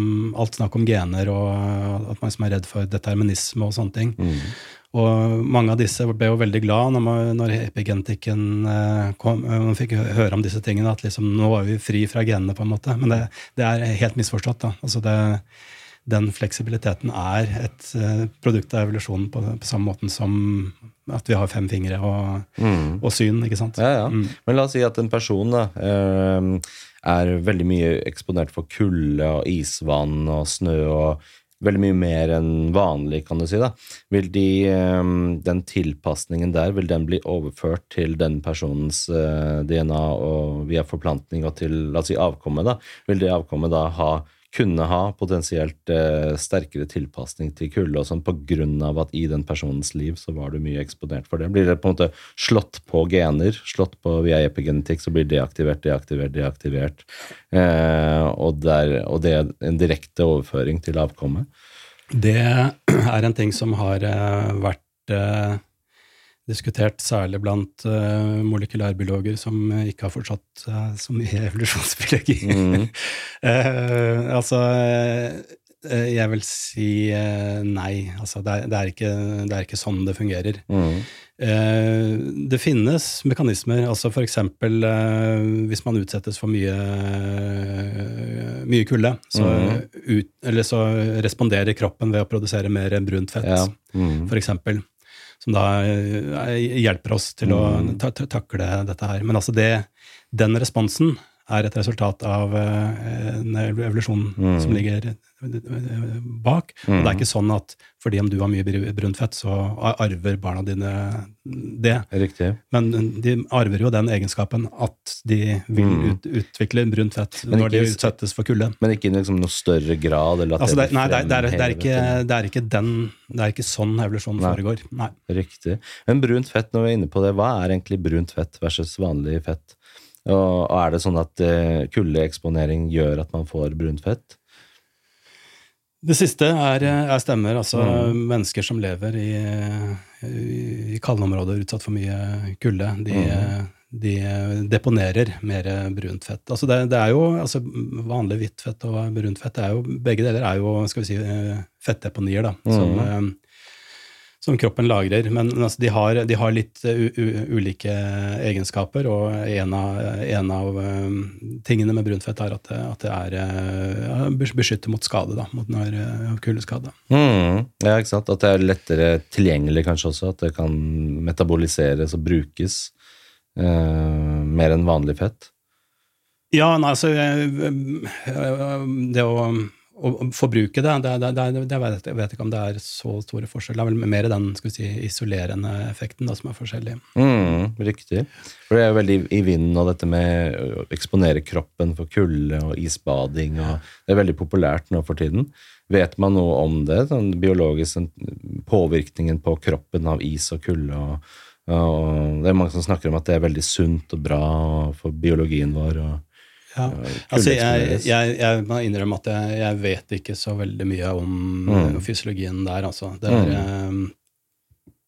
eh, noen sånne ting blir jo motesaker, og no, Mm. noen sånne ting kan ha kan det være noe i? Altså det, at, at f.eks. isbading kan ha positive helseeffekter, det er jeg helt, eh, helt åpen for. Men, eh, men det, det er jo også eksempel da på at sånn, skal vi si, det å herde kroppen, at det eh, har negative effekter. Da. At Mm. eh, man sliter, sliter, sliter ut kroppen. Og, så det, det er ikke sånn eh, en sånn e- entydig at det alltid er sånn, da, at det er bra å herde kroppen Mm. mot det, det ene eller det andre. Riktig. Ja, det er viktig å ha med nyansene der òg. Ja, ikke sant? Mm. Men du, eh, Glenn Peter, du er jo professor. Og det, i USA og sånn, så er det, det er litt annerledes. Så hører man liksom professor at college og professor at the high school og sånn. Det er vel litt annerledes i Norge med hva en professor er.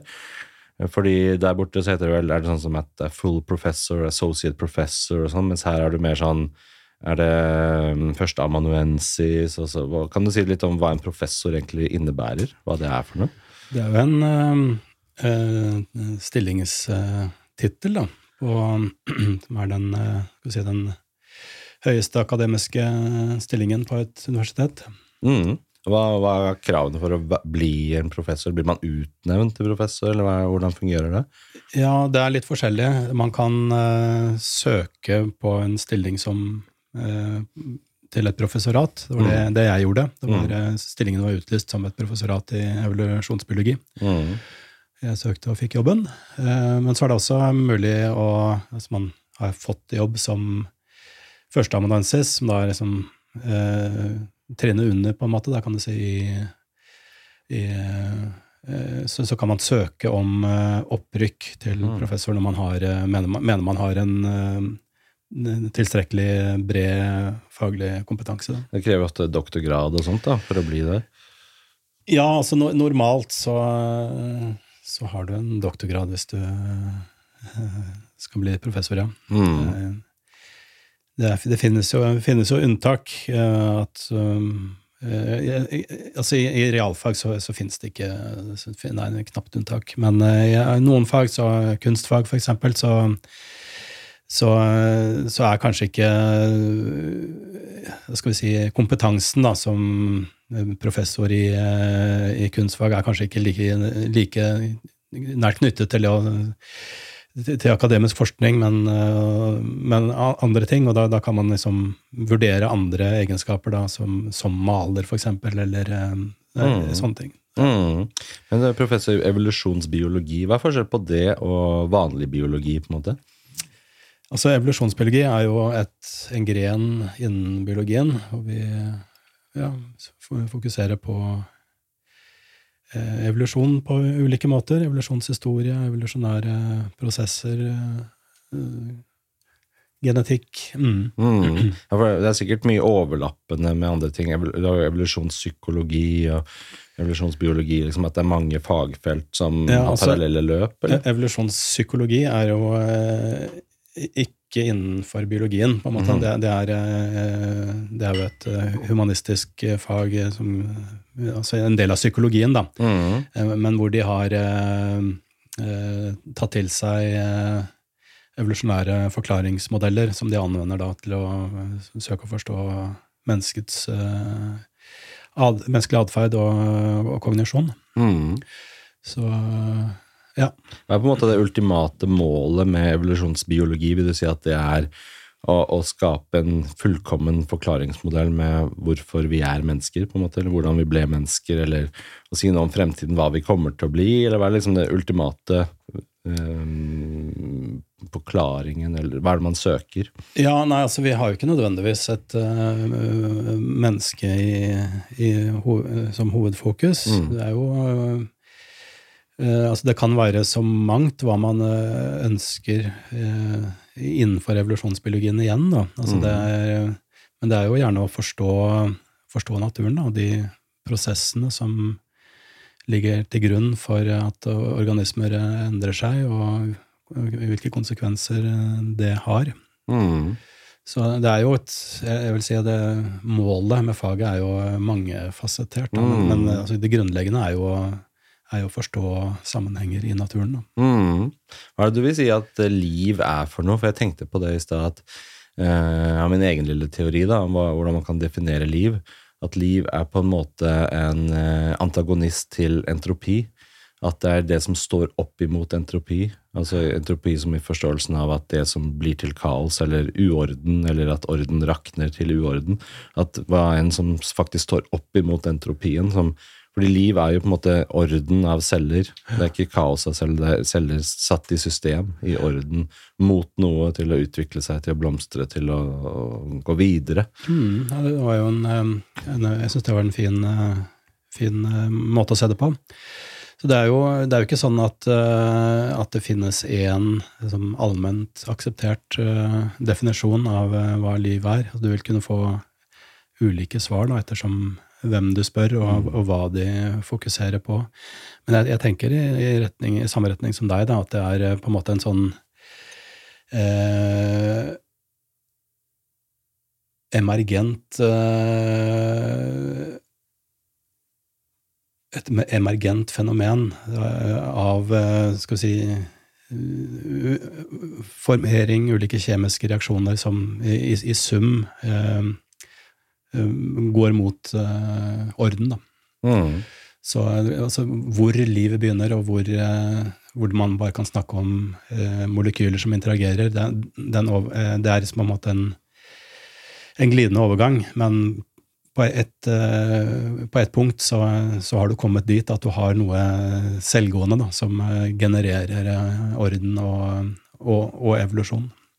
Ser man mye matematikk i evolusjonsbiologien? Jeg syns det er så morsomt å se på sånne ting som bare sånn bikuber, da, med det heksagonale mønsteret og sånn, hvordan de bygger ting. At det er liksom den mest effektive måten med, med mønsteret for å skape noe. Hvor, er, er, matematikk en forklaringsmodell for mye av biologien, eller er det motsatt? At det er en sånn innebygget matematikk i, i evolusjon? Ja, nei, altså matematikk er, eh, er eh, det er, vel, altså, det er vel, Evolusjonsbiologien er vel den grenen av uh, biologien hvor uh, matematikk er det mest naturlige hjelpemiddelet. Mm. Vi, altså, særlig da den populasjonsgenetikken som er utviklet på ja, fra 1920-tallet, hvor man da uh, tok utgangspunkt i uh, arvelovene, som da annet Mendel oppdaget, ikke sant, og brukte de skal si, statistiske, matematiske lov, lovmessighetene som ligger i, i arvefenomenet, anvender det da på populasjonsnivå, altså hvor du da har en si, et forråd av eh, gener som utveksles mellom individer som eh, eh, forplanter seg, eller formerer, formerer, seg med hverandre. Så, så, kan man da eh, studere hvordan sammensetningen av denne genpoolen eller genforrådet endrer seg over tid. Og det er på en måte ja, det er jo et statistisk, matematisk problem, da, som er mm. veldig godt egnet til å analyseres ved hjelp av både, både, deterministiske, dynamiske modeller, men også da eh, stokastiske eh, statistiske modeller. Da. Så faktisk er jeg en av de eh, viktigste evolusjonsteoretikerne, Ronald Fisher. Han er jo også matematiker og regnes som grunnleggeren av eh, moderne statistikk, i tillegg til at han da var eh, en av de mest betydningsfulle evolusjonsteoretikerne. Mm. Så, så, ja, evolusjon er ganske matematikktungt, da. Mm. Vil du si at nesten matematikken er en del av de fysiske lovene, eller er det, vi, er det motsatt at vi prøver å forklare de fysiske lovene med matematikk? Jeg prøver å komme inn på liksom, er matematikk en, nesten en grunnpilar av eksistensen, av, av, av verden, av liv i, i, seg selv? For det virker som det går igjen så mange steder. Dette her med fraktaler og sånn som man ser i blomster, at de liksom, nesten som de følger et matematisk, en formel, på en måte. Mm. Eh, er det bare vår menneskelige forklaringsmodell på å beskrive det vi ser matematisk? eller virker det som at det ligger nesten noe matematikk til grunn der, inni hvordan ting ja, blir skapt og formes og utvikles og Ja, ikke sant. Altså, det er jo, eh, det er jo altså, Matematikken fanger jo på en måte eh, lovmessigheter i, i naturen, da. Så mm. det at eh, at det er et, også da blir et viktig verktøy for å beskrive prosesser i, i naturen, det, det er vel det, går vel litt begge veier, tenker jeg. Ja, mm. jeg tenker Det er vel også et uttrykk for at det er de mest effektive måtene for naturen å utvikle seg på, følger også da en, eh, en matematisk formel av noe slag. Altså at bare man ser på blomster, da, og man ser på bier og, og hvordan ting utvikler seg, og altså at alt, sammen, alt det som kan forklares matematisk, kanskje også er en grunn til at det blir nettopp ja, ikke sant, At det er begge veier, da. At det ligger en matematikk til grunn der. Ja, ikke sant, sånn som vi snakket om med, med krystaller. ikke sant, at det, den lovmessigheten der, det, det, er jo Det er på en måte minste motstands vei, ja. ikke sant? At det er, der er det krangler på en måte molekylene minst. Der, der ligger de i ro, i, i den eh, repetitive formen. og Litt på samme måte med DNA. To kjeder eh, bundet sammen. Er, eh, ja, er ikke den også heksagonal, DNA-en? Er det basert på seks Nei, den, den er vel ikke Den er, jo fire. Den er jo, ja, det er fire, fire nukleotider, ja. Ja, riktig.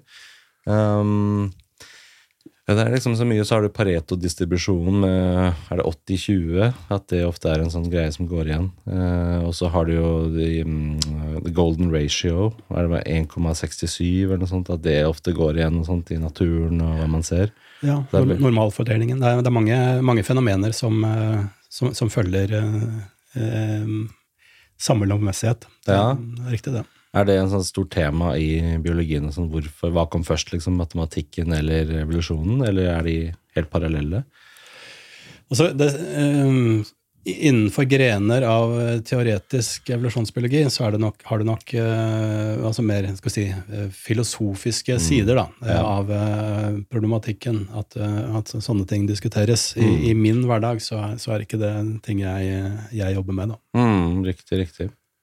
Um, vi må inn på dette her med um, tiden vi lever i i dag, og 2023 i Norge. og Frem til nå så har det bare vært sånn vedtatt sannhet at du har liksom mann, og så har du kvinne. og Dette her gjenspeiles i, i naturen, sånn som vi prater om 1,5 milliard år tilbake omtrent, med kjønnet formering av, og mann og kvinne. og Det er bare etablert sannhet. og Slå inn åpne dører liksom, og si det. Det er ikke noe nytt for folk. Mens spoler frem til 2023, da, og så leser man saker om lærere og sånt på skoler som mister jobben fordi de bekrefter en sannhet om at det fins mann og det fins kvinne.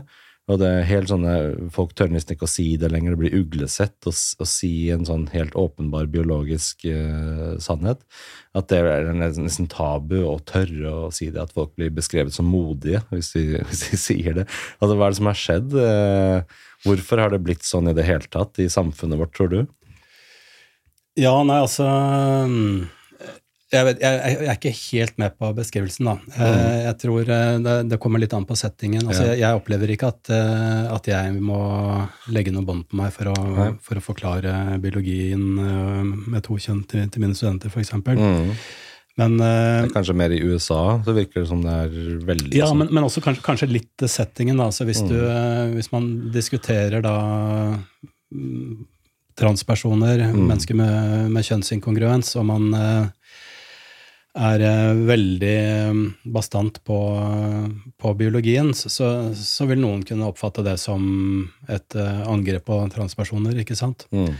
Eh, men, men, jeg er likevel enig i at det, det, er, det er, krefter i, i, den retningen. Da, og man, man, kan i hvert fall få, få det inntrykket da, at, at, at, sannheten nærmest har blitt kontroversiell. Mm.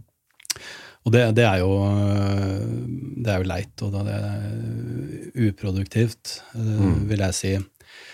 Men altså, jeg, jeg, tror eh, der det stammer fra, det er jo egentlig et ønske om, med, om god vilje, da. Det, er, det, stammer jo fra nettopp problematikken rundt mennesker som er, opplever kjønnsinkongruens. at Eh, noen tenker da at eh, å være inkluderende er jo å, å, eh, godkjenne Eller altså akseptere deres opplevelse av mm. kjønnsidentitet, da. Og, da, og, og dermed, når man bekrefter det, da går over til å egentlig benekte biologiske sannheter, da. Så det, det er jeg tror det er veldig dumt. Jeg, jeg, tror ikke det er en bra måte å, å møte kjønnsinkongruens på.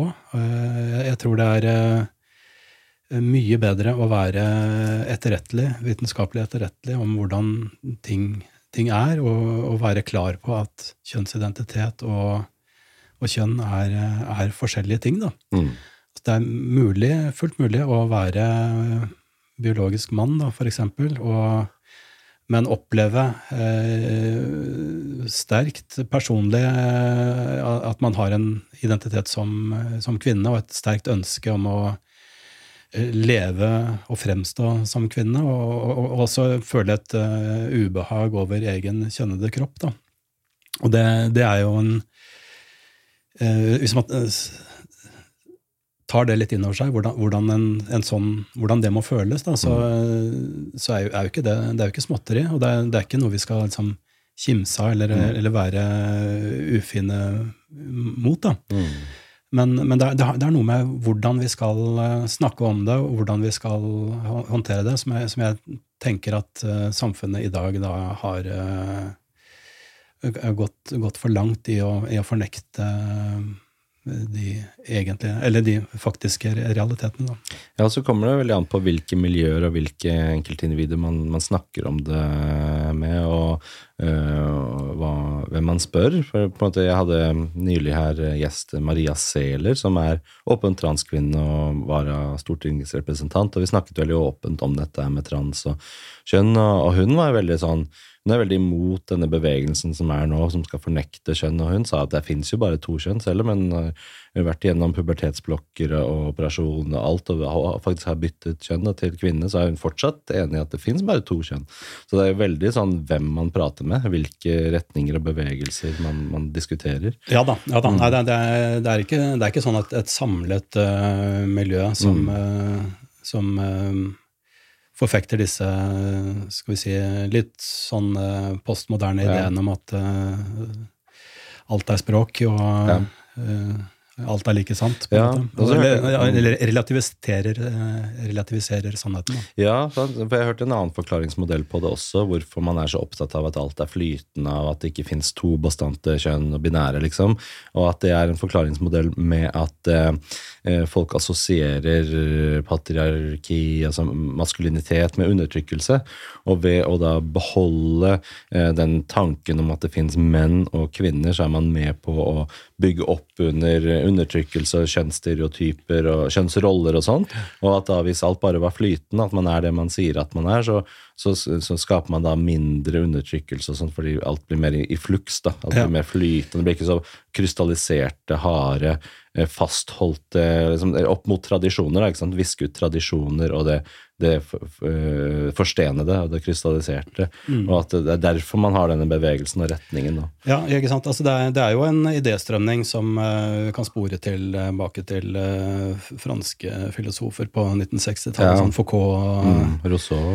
og, og, så videre, ikke sant? Det, eh, altså, det er jo en sånn eh, en idéstrømning om at uh, språk er, er makt, ikke sant? Og at, uh, at man tradisjonelt da, har brukt språket til å til å etablere et status quo, altså ved å da å redefinere betydningen av ord og bruke språket politisk, egentlig, da, å, så kan man også redefinere virkeligheten og skape en, en bedre verden. Det, det er på en måte det som er eh, eh, Tror jeg, som, som du sier, Mm. er eh, eh, den gode vilje, da. Men eh, eh, det er jo, Den måten å, å, å tenke på er jo, er jo egentlig helt på kollisjonskurs med naturvitenskapen.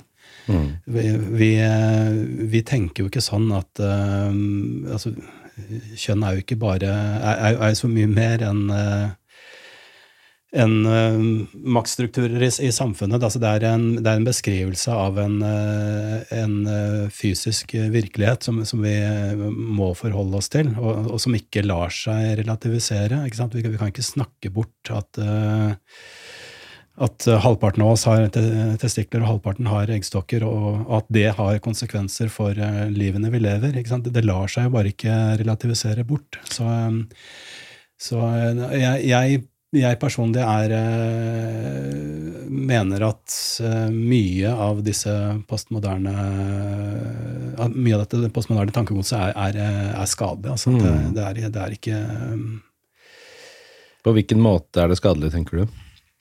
Ja, altså det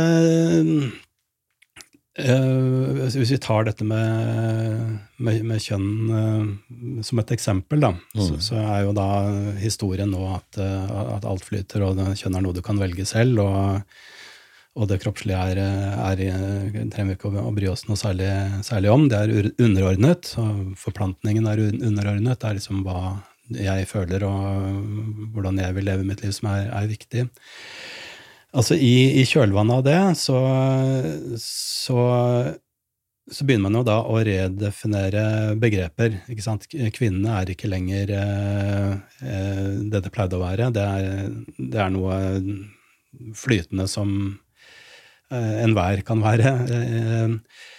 Eh, eh, jeg tror for det første da at veldig mange av oss eh, reagerer instinktivt med frustrasjon og irritasjon når språket tas fra oss. Altså at når eh, så åpenbare sannheter, altså objektive sannheter, ikke lenger eh, Eller ikke, ikke lenger eh, er eh, selvsagte sannheter, og, men til og med angripes som eh, som hatefulle ytringer og, og slikt, så blir vi frustrerte og sinte. Og, og det, jeg, jeg tror det veldig fort går utover over de som kanskje da eh, nytalen var ment å, å beskytte. Da. Altså at eh, frustrasjonen retter seg mot eh, transpersoner og, og sånt, istedenfor mot eh, de som forfekter ideene. Da. Mm.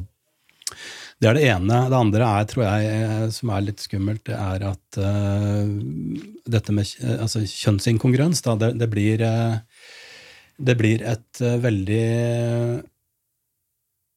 ullent definert begrep. Det er, eh, det er liksom noe du eh, Det er noe du føler. Eh, altså, Du er liksom Du har du sitter på sannheten selv, da, om hva, hva, hva som er Hvordan din situasjon er.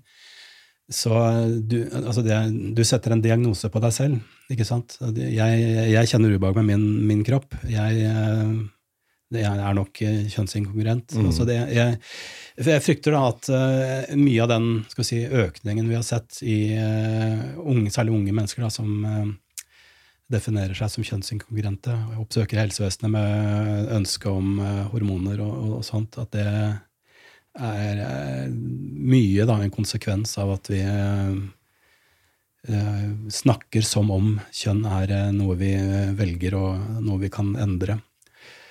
Og det, det, kan man jo ikke. Altså man, man kan bruke hormoner og, og, kirurgi til å ligne mer på motsatt kjønn, men man kan jo ikke endre forplantningsfunksjonen. Mm. Er det også en motstand der mot at noe er Eh, det det er, på en måte, at noe er fast, at noe er en fasit på. på en måte, For vi har et veldig, har et veldig sånn samfunn hvor alt er i utvikling, ny teknologi, nye ting.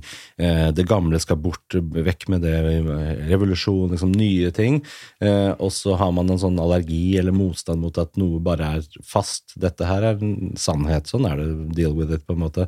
At nei, nei, vi kan ikke ha noen sånne faste, forstenede sannheter. Alt må, alt må rives opp med rota og tenkes nytt. Nytt, jo da, nytt, nytt. Jo da, det er riktig. Sånn. Altså, de de, de tankene jo, jo, finner jo gjenklang i radikale miljøer. Mm. Så det, det, er åpenbart, det. det man, og ja, litt sånn ironisk på en måte, da, at vi, vi som da uh, forholder oss til, uh, til uh, naturvitenskap og vitenskapelig etter, etterrettelighet, at vi på en måte dyttes i bås med konservative krefter. Mm. Det, Altså, politisk er jo ikke det reelt. ikke sant? Nei, nei. De, de liksom blander sammen eh, vitenskap som har eh, en lang bakgrunn med forskning, og liksom at det blir på en måte til tradisjon. Og så tradisjon, ja, men det er konservativt, og konservativt er høyresiden. Og så blir alt det der blir bare én sånn boble. Ja, ikke sant? Men alt det, alt det som har vært gammelt, blir en boble, og alt det som er nytt, er bra. Nytt er bra, gammelt er dårlig. Og så blir det sånn svart-hvitt-tenkning. Ja, det blir, en, det blir lett en, eh, en sånn polarisering. Mm. Og da det er også blandes sammen med dette med mm, folk driver og river ned statuer, og så begynner å si, spesielt USA, da, at alt som er etablerte sannheter, og vitenskap spesielt, det er bare patriarkalsk og undertrykkende. Derfor kan vi ikke ha noe mer vitenskap, fordi sannheten er bare hva du sier selv og føler at sannheten er. Det er ikke noe eksternt og objektivt og ytre sannhet. Det fins ikke. Fordi uh, sannhet kan være hva enn den personen eller du mener. Hva er, hva er din sannhet? da? At det blir en sånn motsats til å si at noe som helst er en objektiv sannhet. At objektiv sannhet i seg selv er undertrykkende. Ja da, nei, er, du har rett i det. Det er, eh, det er uh, Dette med kjønn er jo si, en del av en større idéstrømning som da uh, utspiller seg som en, det, det, vi kaller en kulturkrig, da, særlig i særlig i USA. Mm. Men har det kommet til Norge også? Merker du noe på det på Universitetet i Oslo, Blinde eller sånn? Er det, begynner det å komme noe av det som i USA, eller er vi blitt liksom forskånet for det i Norge ennå, eller begynner man å merke sånne ting? Jeg tror det, det, kommer nok litt an på hvem du spør. Ja. Jeg, noen vil uh, kjenne igjen uh, Altså, ja, altså man, man, kjenner jo igjen uh, likhetstrekk, men, men, ofte så føler jeg at det er litt sånn at, det, at, det, er litt sånn stakkarslige forsøk på å importere en kulturkrig som ikke passer for norske forhold. Mm.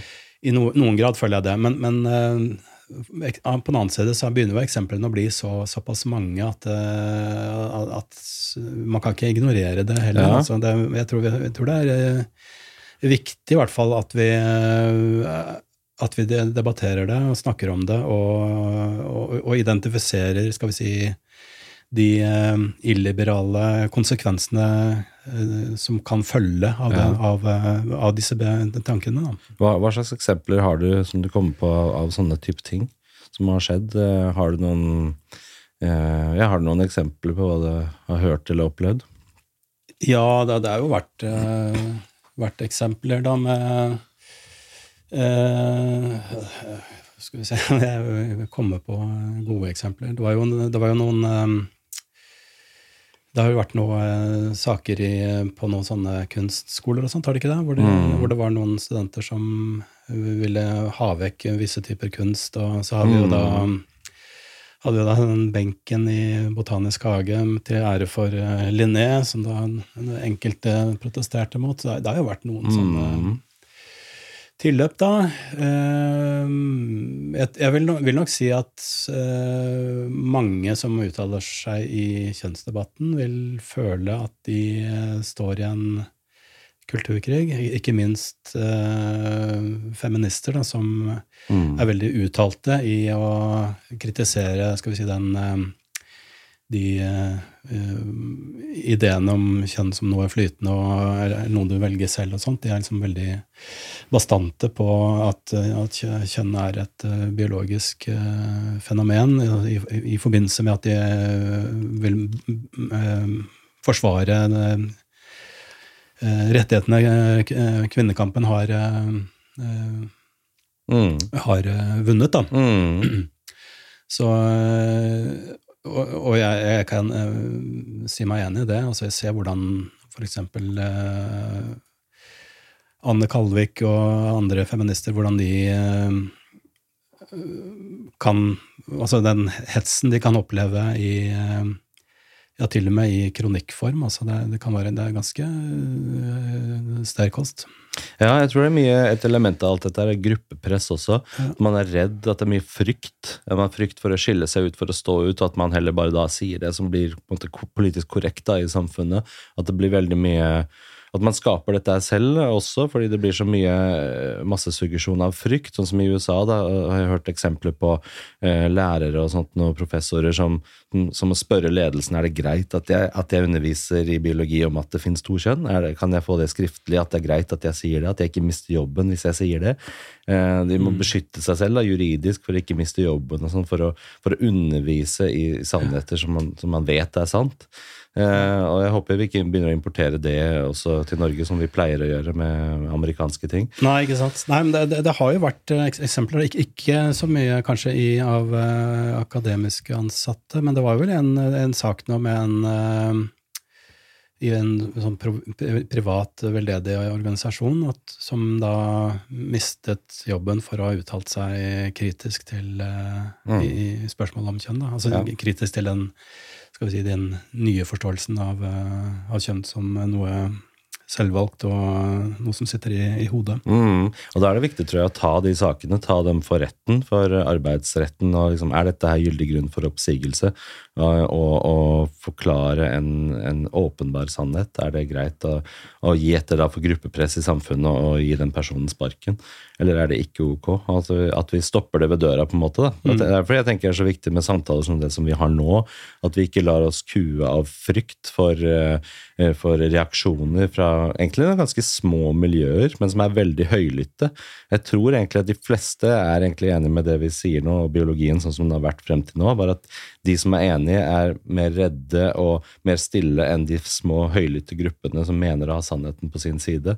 At, uh, fordi jeg får mye private meldinger og sånn fra mennesker som sier at du skal vite Henrik, det er kjempebra at du tar opp disse temaene. Du skal vite at det er mange som mener det samme som deg, men som ikke enten orker eller tør å stå i de kampene av frykt for renommé og, og jobben sin og alt. da. Mm. Så, sånn at det er, det er at De ser man ikke så ofte. Man ser veldig tydelig kritikerne og de som er høylytte, men, men det gir et skjevt bilde da, av hvordan ting egentlig er i samfunnet, og hva folk egentlig mener. Ja, jeg, er enig i det. Eh, Samtidig tror jeg jeg vil- også si altså, at det er viktig at vi eh, At vi eh, snakker med litt innestemme. Altså at, Mm. at, at, det ikke går, at det ikke blir sånn at frustrasjonen ja. går utover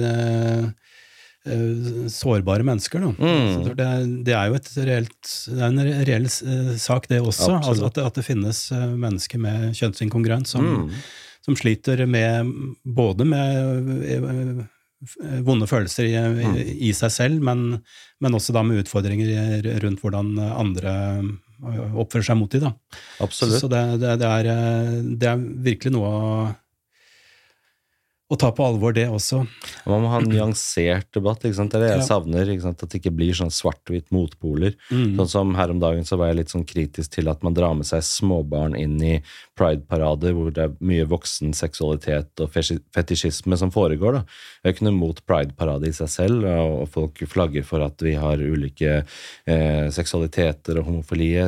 Det er kjempebra liksom, at vi har et sånt åpent, moderne samfunn hvor det er lov, at du ikke blir satt i fengsel for å være homofil. Jeg synes det er kjempebra. Men det må samtidig være lov til å nyansere og være kritisk til enkeltelementer av det. Og da var jeg kritisk til at hvorfor drar man med seg fire, fem, seksåringer og ser på på en måte seksuelle show som ville hatt 18 års aldersgrense hvis det var på film. på en måte. Jeg var kritisk til det. Er det greit på en måte å eksponere barn for hva som helst? Veldig sånn tydelige seksuelle ting. Og jeg syns ikke det er greit, uansett om det hadde vært helt heterofilt show. Det er ikke noe med om det er homofilt eller trans eller noen som helst. Er, hva, hva utsetter man barn for? Og da får jeg den, hele den motbøren du er transfob, og ikke sant. At man har ikke den nyanseringen. da. Det blir veldig sånne skyttergraver. Folk elsker å liksom stemple sånn, transfob eller 100% for trans. liksom. At det, blir, det er en forenkling som vi mennesker driver med for å lettere forholde oss til virkeligheten. Putte folk i kategorier og båser. Ja, yes, nei, det, det er åpenbart eh, det er forskjell på, på terroren vi opplevde i, i, i Fivor fra islamistisk hold, og, og, og jeg si, bekymrede foreldre som, som kanskje ja, eh, føler det ubehagelig eh, at barna deres skal eh, eh, utsettes for eh, ting de kanskje ikke er helt modne for. Det er klart at det er, det er stor forskjell for det. Ja, og så det viktigste er kanskje det å kunne ha, kunne ha debatten i det hele tatt. Og ha et klima som tillater ytringsfrihet, av en ytringskultur hvor vi kan ha sånne samtaler uten å stemple hverandre, uten å miste jobben, uten, uten, å, være, uten å ha så mye frykt da, i, Ja. i samfunnets ordskifte. Få lov til å si sånne ting. Det tror jeg er viktig å bevare. Ja, samtidig så tror jeg det er eh, Det er jo på en måte forståelig også at eh, at i miljøet, da, at piggene er litt ekstra ute et, etter det, det, det som har skjedd. Og at uh, hvis, hvis det da kommer veldig mye sånn i sosiale medier osv. videre Veldig mye negativt fokus mot, mot pride, og, og det som for dem er en viktig, uh, viktig markering og en, mm. en, en gladsak og, og, og, og sånt, så, så, så kan det oppfattes da som en del av et sånt uh, bombardement ikke sant, av negativitet. Så uh, ja, nei, det Mm. En balansegang. Ja da, det, det gjelder å, å snakke, snakke bra sammen, altså. Ja, samtidig sånn- lytte til hverandre også. Det er viktig. Og samtidig så er, men når man deltar i et samfunn, så er man også gjenstand for, for debatt, og man er faktisk gjenstand for å få følelsene sine tråkket på og krenket. Det er det på en måte per definisjon være med i et samfunn. Vi kan liksom ikke ha at følelsen er det primære, og sannheten er sekundær. Helt enig. Sann, sannheten må være eh, primær, og iblant så vil det gjøre at du blir støtt, eller at følelsene dine blir tråkket på. Liksom. Sånn er det å være medlem i et samfunn. Da. Eh, Du kan ikke komme unna det. Du kan ikke bli immun mot det. Men eh, la oss komme inn på dette med, med kjønn igjen, og uh, hva vil det si For eksempel, hva er um, Altså, vi har Hvor mange kjønn er det egentlig? Eh, to. Jeg to. ikke sant? Fins det, veldig, veldig det noen som helst dyreart eller noen ting som har liksom tre kjønn eller fire kjønn? Fins det noe som helst av organismer som har det? Nei, det gjør ikke det. Nei. Så det Det, det som fins, er eh, Du har organismer som formerer seg ukjønnet. Ja. Bakterier, for eksempel. Der formerer de seg ved at eh, bakteriecellen deler seg i to. Mm. Du har hos f.eks. eksempel da gjærsopp, så har du kjønnet formering, men uten at kjønnene er forskjellige. Altså de to cellene som Ja. be- be- befrukter hverandre, de er like. Mhm. Så da har du kjønnet formering, men uten differensierte kjønn. så, men hos eh, altså, ja, de fleste flercellede organismer da, så er, eh, så er kjønnene differensierte, og da er det alltid da i to.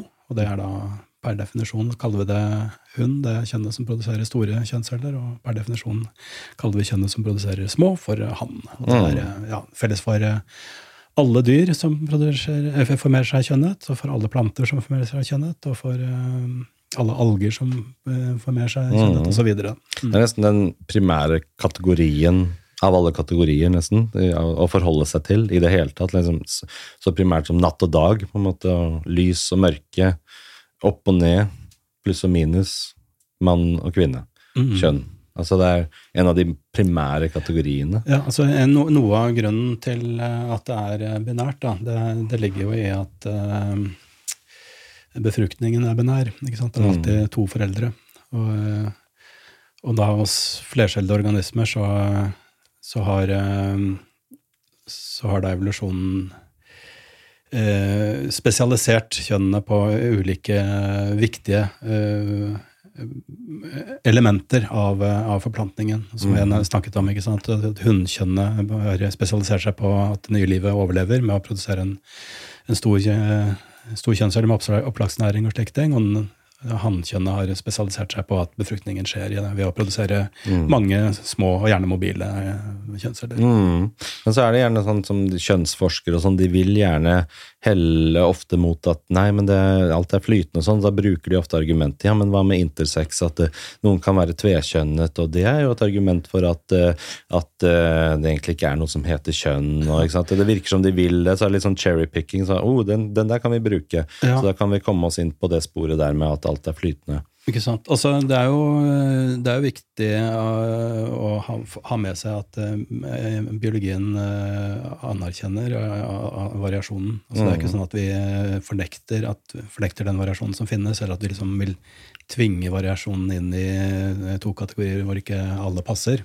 Mm. Det er ikke sånn det er. Altså, når vi ikke introduserer et tredje kjønn for å beskrive folk med uklare kjønnskarakteristikker, så er det fordi at det er en feil måte å beskrive variasjonen på. Det er ikke sånn at de har en tredje type kjønnsorgan som produserer en tredje type kjønnscelle. De er gutter, jenter, mm. menn, kvinner, bare med uh, variasjoner i kjønnsutviklingen. Men det har skjedd en feil, rett og slett en genetisk eller utviklingsmessig feil, som gjør at man må hjelpe dem, korrigere dem til å bli det de mest sannsynlig heller mot, enten om det er jente da, eller gutt.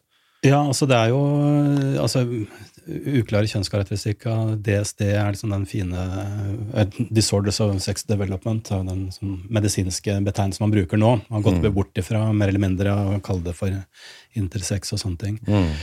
Altså, det er jo en sekkebetegnelse for uh, veldig mye uh, forskjellige ting. Men det, det, er jo da snakk om ulike medisinske diagnoser, ja, mm. som, hvor av ulike grunner, da, at uh, i løpet av fosterutviklingen så har uh, kjønnsorganene utviklet seg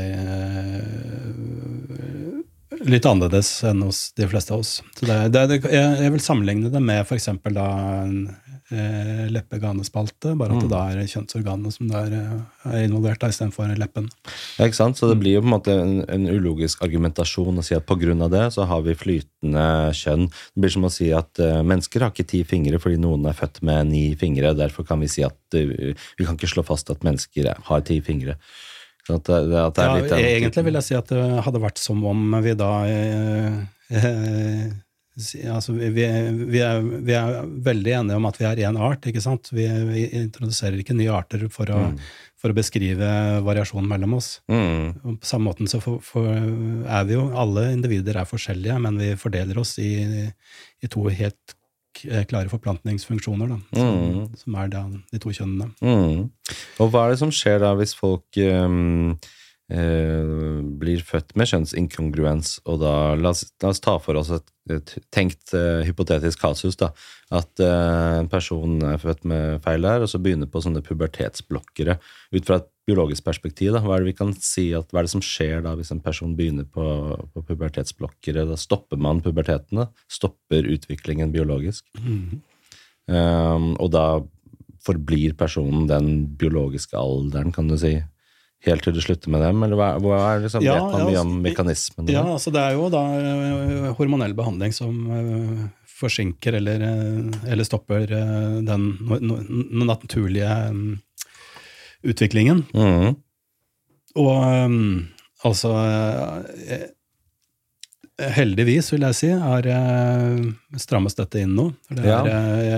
altså, de langsiktige konsekvensene av, av dette her det kjenner man i veldig liten grad. Og, men man vet allerede såpass at man vet at det, det er jo ikke altså det, det, er jo ikke uten bivirkninger. Det, er, det, er, Det er jo ting som økt sannsynlighet for å utvikle benskjørhet. Det er mange følge, følge, følger, da. Som, mm. Så dette er ikke noe man bare skal strø om seg med. Altså det, jeg, jeg mener at vi har Deler av helsevesenet har vært altfor uh, slepphendte, altså med å gi etter for presset mot å, mot å dele ut eh, den typen medikamenter til eh, de som ønsker det. Hvor kommer det presset fra? Hva er det presset for noe, tror du? Altså, det er jo Igjen så tror jeg det kommer fra et, eh, et, et godt sted. Altså, det er jo det er et ønske da om at eller at, altså en anerkjennelse av at mennesker som opplever kjønnsinkongruens, har, det, mm. har det vondt, og at en tro på at, at de vil få det bedre ved å først bremse puberteten, og så bruke hormoner til, for å få, få, kroppen til å utvikle seg mer i retning av motsatt kjønn. Mm. Det, at det er på en måte en idé om at dette her er uh, god medisin for, uh, for pasientgruppen. Men det er jo det er jo problemer rundt det, og et av problemene er jo at diagnosen, da, kjønnsinkongruens, den er, den, er, den er, ikke veldig klart definert. Mm. Så eh, da har du jo da medisinske miljøer som, som f.eks. Nasjonalt senter på Rikshospitalet, som, som eh, vil kunne sette i gang den typen behandling, men først etter en grundig utredning. Da, at man utelukker at dette her er eh, Eh, andre psykiske utfordringer pasienten har, som, som, men hvor vedkommende kanskje fortolker sine symptomer som kjønnsinkongruens. At de er påpasselige med å eh, ikke gi f.eks. En, en som egentlig er, kanskje lider av schizofreni eller eh, posttraumatisk stresslidelse eller, eller, eller slike ting altså som da ikke vil ha eh, nytte av behandlingen, at de unngår å, å gi den typen behandling til slike pasienter. Ja, man må jo være veldig varsom og vite 100% hva man gjør, og bruke tid og være konservativ på det, tenker jeg. At man ikke gjør det over en lav sko, og spesielt med den utviklingen de har i samfunnet, hvor man ser bare tenk på ungdommer, da, alt det presset som de er under fra før av, med å finne ut hvem de er, hvem de skal bli, hvem de skal være, seksualiteten sin, om de har en homofil legning eller heterofil legning. Og, og så skal dette, denne tilleggsdimensjonen da, komme opp på det som et press fra det sosiale, fra TikTok-videoer og 'Nå har jeg byttet kjønn, se hvor glad jeg er', og, mm. ikke sant? Og jeg, nyanserer, da. altså På den ene siden så tenker jeg kjempebra hvis du er faktisk er kjønnsinkongruent, og det er det riktige for deg etter lang evaluering, og, og psykologer, psykiatere har kommet fram til at det er faktisk det riktige for deg å bytte kjønn, så er det kjempefint at uh, vitenskapen og teknologien lar oss gjøre det, og, det, og, så blir du lykkelig etter det. Hvis du har et sånt kasus, da, tilfelle hvor det er en solskinnshistorie, så er det supert at, at vi får til det. Men uh, på den andre siden, hvis du er en usikker ungdom, og som følge av ytre press og, og trender i samfunnet og TikTok-videoer og masse bombardering av at uh, det ser ut som folk blir lykkeligere av å bytte kjønn, og jeg vil også på pubertetsblokker, og jeg skal finne ut hvem jeg er med kjønnsidentiteten min, og velge meg et eller annet Altså alt dette her kaoset, da, mm. hvis det fører til at folk som egentlig ikke ikke burde bytte kjønn i det hele tatt, uh, begynne på noen pubertetsblokker eller sånn, så, så, er det forferdelig for den personens skjebne, og samfunnsmedisinsk og, og, og helsemessig. da. Det, mm. det, første budet i helse er vel liksom do no harm, at du ikke skal, skal gjøre noe skade. Ja. Uh, og at man må være ekstremt varsom med, med, dette her, ikke bare sånn som du sier, i pubertetsblokkere og uh, uten utredning. Det var vel han Ester Pirelli i det siste som ble delvis fratatt lisensen for å dele ut det, uh, uten kommunikasjon med Rikshospitalet, som har, som har som eneretten til behandling på dette. Ja, det har, jo, det har jo vært en direkte konflikt mellom uh, bl.a. Uh, Pirelli Bennestad og mm. uh, miljøet rundt han og, og Rikshospitalet, da, hvor ja, Benestad har jo gått hardt ut og sagt ganske ille ting da, om, om, miljøet, og kommet med påstander om miljøet på Rikshospitalet som er ganske, ganske drøy kost. Mm. Så, Så der, der er det åpenbart en, eh, en, eh, en, en konflikt, ja. Mm. Jeg tenker, Hva skjer når man får disse pubertetsblokkerne, og så Uh, og så finner man ut at nei, jeg angrer. Det handlet egentlig ikke om det i det hele tatt. Jeg var litt deprimert, jeg var veldig på søken, jeg visste ikke helt hvem jeg var. Tenkte kanskje at det var en knagg jeg kunne henge det på, at jeg hadde feil identitet. Men mm. vet du hva, jeg har funnet ut at nei, jeg er faktisk gutt, det er sånn som, sånn som jeg ble født. Og så har det gått på pubertetsblokker i tre-fire år. Uh, og så vet man egentlig ikke hva følgen av det er. da. Uh, vet man noe som helst av hva senfølgene kan bli? Har man sett noen tilfeller av hva som kan skje? Da? Ja da, det er jo Det, er jo, det kommer jo historier om Det var nylig nå en, en norsk-polsk gutt som sto fram som, ja, som Alexander et eller annet. Sto fram som angrende. Da. Han hadde da bl.a. vært i konsultasjon hos uh, Benestad og mm. blitt, fått en henvisning til operasjon i, i Thailand, var det vel. Mm. Uh, men han har da kommet fram til at, uh, at det var, var, feil. Da. At, han, ja, at han kanskje egentlig da hadde en var deprimert og hadde en posttraumatisk lidelse pga. mobbing og utenforskap, og, mm. men fortolket da sin psykiske smerte som som kjønnsinkongruent, så ble jeg overbevist om at det var det som skulle til for å, for å bli lykkelig. Og så, eh, altså han har jo vært veldig ærlig og, og, skrevet om de følgene han har da, av operasjonen osv. Det, det, altså det, er jo, det er jo store inngrep som gjøres, og, og mange opplever jo eh, ganske heftige bivirkninger. Da. Og altså, I verste fall er det jo da snakk om eh, tap av eh, seksuell funksjon mm. og glede med, med det. Mm. Og, og, og, sterilitet, da. Mm. Altså at man ikke lenger kan få, kan få barn. Da. Og det, det betyr kanskje ikke all verden for deg når du er 14 eh, år og, og livet her og nå er, er kjempeviktig, men eh, når du er nærmere deg 30, kanskje, så, så, kan det bli et uh, eksistensielt savn da, som man uh, neppe tenker over når man er mm er, er tenåring. Da. Og så tenker jeg at det er viktigere å sette barnets beste først, da, og ikke foreldrenes beste først. Så da tenker jeg på sånne videoer på TikTok hvor foreldrene filmer barnet og sier ah, nå, nå har vi transparty for treåringen min, endelig komme ut av skapet og skal bytte kjønn, og så flott at treåringen min eh, har, eh, liksom skal bytte kjønn, og veldig sånn der Dette er vår første møte på transklinikken, og nå er det snart tid for operasjon. Det handler mer om foreldrene da, enn å tenke på hva er det beste for barnet. Ja, var, du har nok rett i det at det, at det finnes uh, At det er en side ved saken også. At du har da Skal vi se At foreldrene blir uh, transaktivister på barnas vegne. Da. Det er ja. ja. Nei, det er jeg, jeg, jeg syns ikke det er bra, jeg. Jeg syns det er viktig viktig, det er viktig for meg egentlig å, å, å formidle rolig og saklig hva, hva, kjønn handler om, og, og med innestemme si at mye av den eller en del av den utviklingen vi ser nå i, i samfunnet, er, er, er, litt skummel, altså. Og ja, be voksne folk om å være voksne. Ja, det er viktig å ta ansvar for barnet, sette barnet først, mm. og være varsomme først. Um, og så tenker jeg på dette her med um, utviklingen med uh, hvor, hvor, fort det har liksom blitt sånn.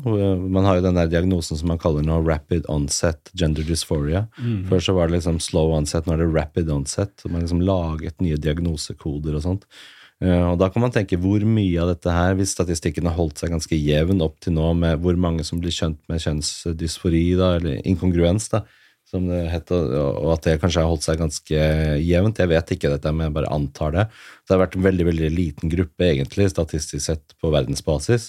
Men hvor det er liksom saker hvor det faktisk er tilfellet, da. Og så ser man en statistikk som pang, bare skyter i været mm. de siste fem årene, eller sånn. Og hvor mye av det handler om at nå er det tillatt å komme ut av skapet, endelig er du satt fri, så fortell din sannhet. Eller hvor mye handler det om sosial påvirkning ja. Eh, og trender? Det er jo noe som eh, diskuteres, da. Hvor mm. uh, folk har uh,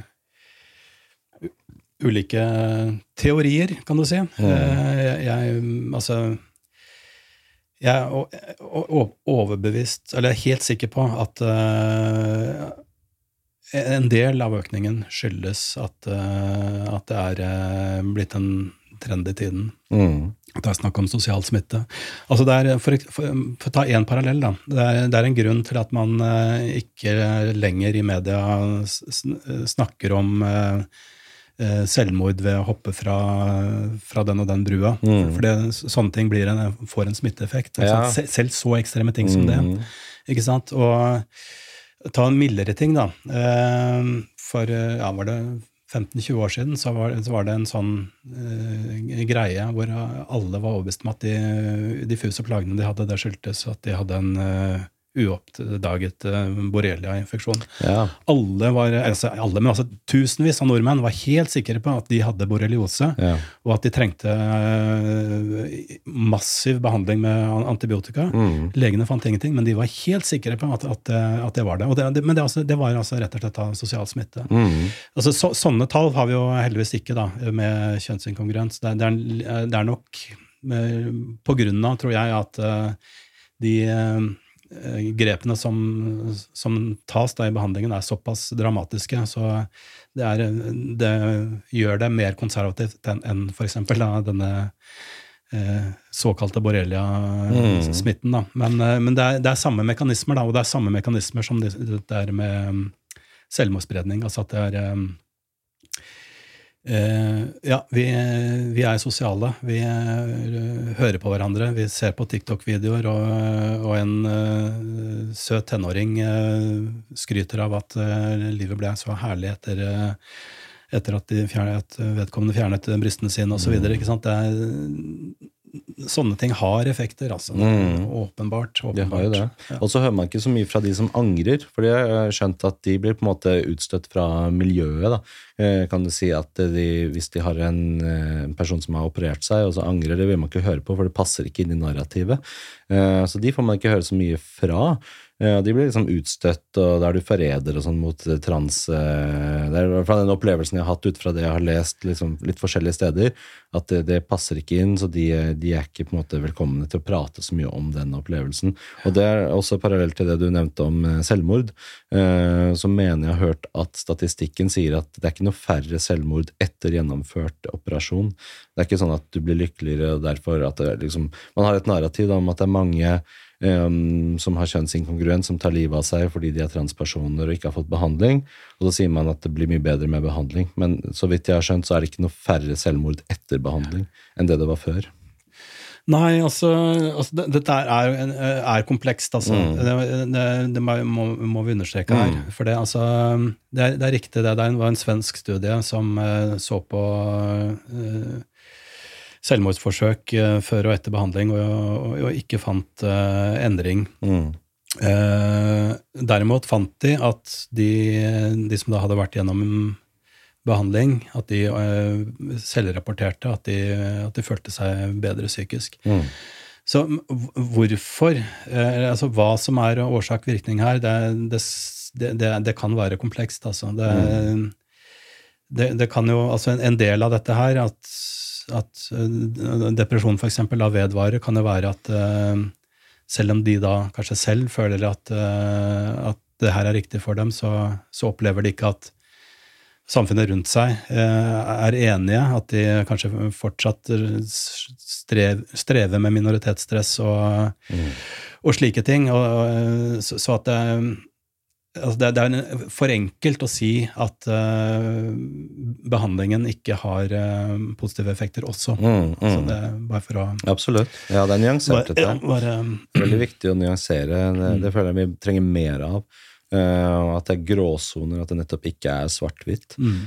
men at man må være varsom med dette. her. Og, og, og, så tenker jeg på foreldre, at man må fortsette å, å la foreldre har foreldrerollen overfor barn. altså en, en, god foreldrerolle å ta ansvar for barn. Sånn som i forhold til dette med Jeg har hørt et nytt lovforslag i California hvor man da skal innføre en lov hvor det blir sånn at dersom forelderen eh, setter seg til motmæle mot at barnet eh, skal operere seg til et annet kjønn, så kan det bety at, eh, at eh, rettssystemet kan se på forelderen som eh, en som bedriver omsorgssvikt, fordi forelderen ikke tillater um, kjønnsoperasjon eh, som eventuelt staten mener er riktig, og at du derfor blir fratatt foreldreansvar eller sånn og sånn. At, du, altså, at foreldrene skal ikke ha noe å si lenger, da, hvis det er sånn at barnets subjektive oppfattelse av at nei, jeg vil bytte kjønn, eh, da blir foreldrene en som bedriver omsorgssvikt. Ja, ja det er eh, det er, eh, det er jo på en måte blitt i noe grad aktualisert her med diskusjonen om innføringen av eh, forbud mot konverteringsterapi i, i Norge også. Mm. Hva innebærer den eh, nye loven? Altså, man kan jo, eh, egentlig kan man jo eh, snu på flisen og si at eh, det å eh, endre den biologiske kroppen til å ligne en av motsatt kjønn, at det er, at det, er det som er eh, konverteringsterapi. Mm. Men, men også i lovforslaget ligger det jo det motsatte, da, at det, er, eh, at det alltid er eh, ideen eh, som er, er den riktige.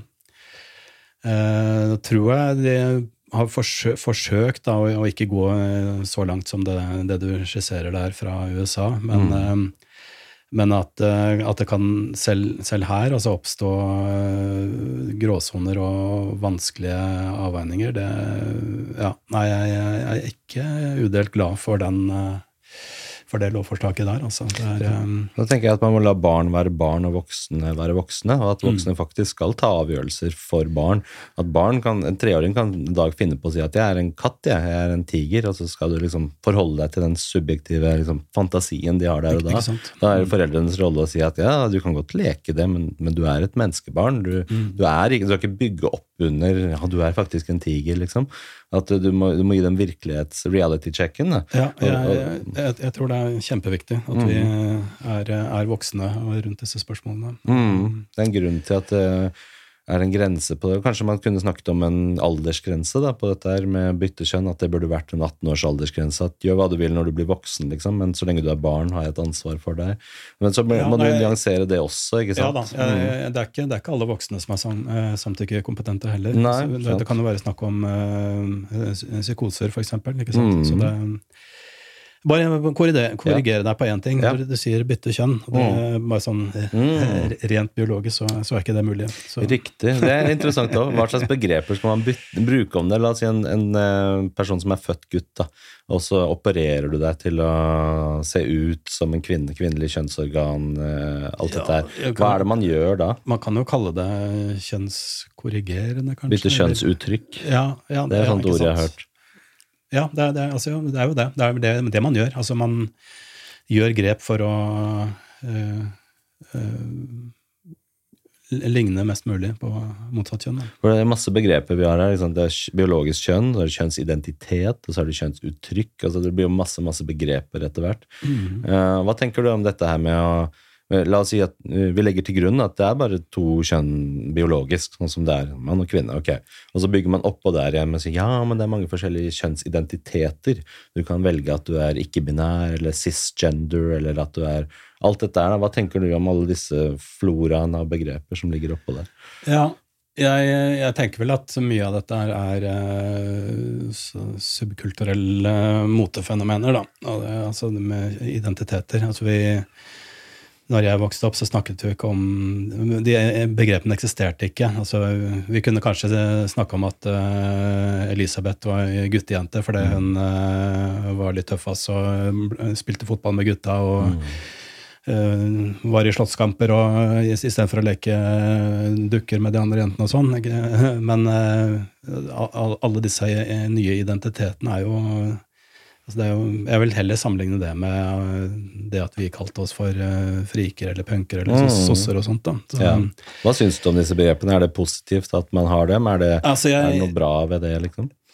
nei, jeg, jeg, jeg, jeg, jeg tror egentlig ikke at øh, Jeg tror ikke det kommer til å være noen varige begreper som løser noen problemer, egentlig. Jeg tror det er Uh, Altså, det det er, det er jo ikke veldig farlig nødvendigvis da, å, å, å, identifisere seg som hva, hva man måtte kalle seg. Det, eh, men eh, jeg tror man i hvert fall skal være, være litt eh, Ta litt inn over seg hva kjønn egentlig er, da, og at, uh, at de, de, de, tingene der altså det, det, er relativt overflatiske fenomener i forhold til hva kjønn og forplantning uh, handler om. da. Mm. det er ikke farlig. Jeg tenker at For voksne kan det nok bare være et sånn trend, et fenomen, så kanskje det blir borte etter hvert. Men at kanskje for barn at det kan være farlig i form av at, at de blir enda mer forvirret, da, sånn som vi snakket om. At de begynner å, å, tenke at ok, jeg må identifisere meg selv. Jeg, ja, ok, jeg er en ikke-binær, cis-kjønnet, panseksuell eh, person. Sånn, sånn. At det blir veldig sånn Eh, at de må finne sin egen identitet, og at det eventuelt da kan lede til at de blir veldig forvirret i hvem de er, når de skal uansett finne ut av sin seksualitet. At det kan være forvirrende for dem da, i utviklingen og oppveksten, puberteten. Ja, altså I hvert fall i den grad at det, det da kan eh, gi, gi, gi, unge ideer om at de trenger medisinsk behandling, og, og kanskje da møter eh, helsepersonell som er eh, veldig liberale, og mm. setter i gang prosesser som eh, ikke gjør dem noe godt. Da. Ja, Men så nevnte du det med at det er blitt mer restriktivt nå. Hva er det som har skjedd i forhold til Rikshospitalet? At, Har de blitt mer konservative på dette med å gi Rikshospitalet har vel alltid vært, sånn? Rikshospitalet har alltid vært tilbakeholdne. At mm. de har vært nøye på å gjøre en, en grundig utredning. Mm. Eh, det som har skjedd, er vel at eh, du har, eh, hadde en, en, rapport som kom fra Ukom, hvor de gikk gjennom altså på egen, eget initiativ gikk gjennom da, si, kunnskapsgrunnlaget for, for behandlingen. Mm. Kjønnskorrigerende behandling. og eh, ropte et lite varsku da, om at, eh, at det her er, er, må anses som eh, eksperimentell eh, og utprøvende. og og det har nå da fått bl.a. Helsedirektoratet til å, til å bli i ferd med å stramme inn og, og begrense da andre institusjoners muligheter til å skrive ut medikamenter, f.eks. At det at det nå blir eh, ans Ansvaret legges hos eh, spesialisthelsetjenesten. Mm, det er en veldig fin utvikling, da, at det faktisk har gått den veien motsatte veien av det man, skulle, av det man er redd for. Det, det, har, det, er, det er, positivt. Og det, er ikke bare i Norge at det, at har, at det er trender i den eh, retning. Altså mm. Det samme har, eh, ser vi i, samme utviklingstrekk ser vi i bl.a. Eh, England og mm. Sverige. Mm. Og de, de, var litt tidligere ute enn en Norge. Men på den annen side kan vi si at eh, Norge var aldri så liberale som det man var i England og eh, Sverige. Da. Ja, så, spesielt USA, kanskje? I USA er det jo der, altså, der er det veldig mye veldig mye rart. Mm. Uh, du har altså alt fra uh, ultrakonservative republikansk styrte delstater hvor, uh, som aktivt motarbeider alt som lukter av uh, skeive interesser, til mm. veldig liberale både delstater og institusjoner som ja, altså du har på en måte begge ytterligheter, da. Eh, så nei, USAs tilstand tror jeg uansett eh, i begge retninger vi skal styre unna. Mm, ja, det tror jeg også. Men det er veldig bra å høre da, at vi faktisk er fordi det er som du sier, eksperimentell behandling. Og det betyr at det kan kanskje være riktig i noen få tilfeller, men at du må være veldig tilbakeholden og bruke god tid, og, og sånn som vi har gjort da, frem mm. til nå også, at vi ikke, at vi ikke minker på det. At vi ikke senker terskelen for at eh, det er bare fritt frem å bytte kjønn. Ja. Mm. Eller ikke bytte kjønn, bytte, kjønns, bytte kjønnsuttrykk. ja, uh, for det er jo, hvis man, hvis man, bare snakker om det sånn løst, så tenker man at ja, det er bare en enkel operasjon, og så gjør man det. Ja. Men hvis man faktisk går inn og ser på bilder av det, hva det faktisk innebærer, så er det jo en drastisk operasjon mm. å, å, å, drive og gjøre dette. Det er veldig radikalt. Uh, ja, og det, det, er slett ikke sikkert at, at alt går Eh, så godt som det kan, kan, gå i de beste tilfellene. Altså man, man, kan få masse senplager. Og, ja. og en del av eh, mye av dette her vet jo ikke. altså Hva er de langsiktige, langsiktige effektene av å gå på eh, kjønnskontrære eh, hormoner gjennom et liv. Liksom. Mm. Altså, når kroppens naturlige produksjon skal være f.eks.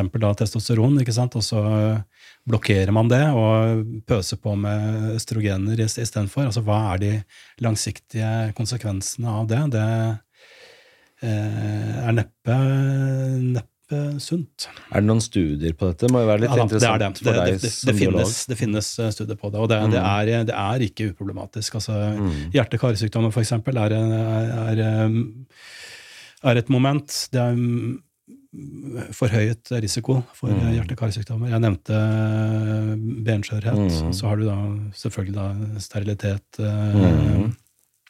tap av eh, eh, seksuell funksjon. Mm. Er eh, Har man langsiktige studier som pågår nå på de som faktisk har byttet kjønnsuttrykk, og, og, og liksom med sikte på sånn 10-15-20-50 år? Har man sånne ting gående nå? Ja, altså det er, Noe av problemet er jo at eh, det er ganske kort tid siden eh, større, et større antall individer har eh, blitt satt på den typen behandling. Mm. Så foreløpig har vi, har vi relativt Eller har vi for lite kunnskap, da. Det er vel det som er konklusjonen også til Ukom Mm. osv. At, vi, at kunnskapen er for, for dårlig, og at det er uansvarlig derfor å og med eh, et, et, et, en liberal praksis. Da. Mm. Jeg vil prate litt om kjønnsroller også, for det er et tema jeg pleier å prate med de fleste gjestene mine om.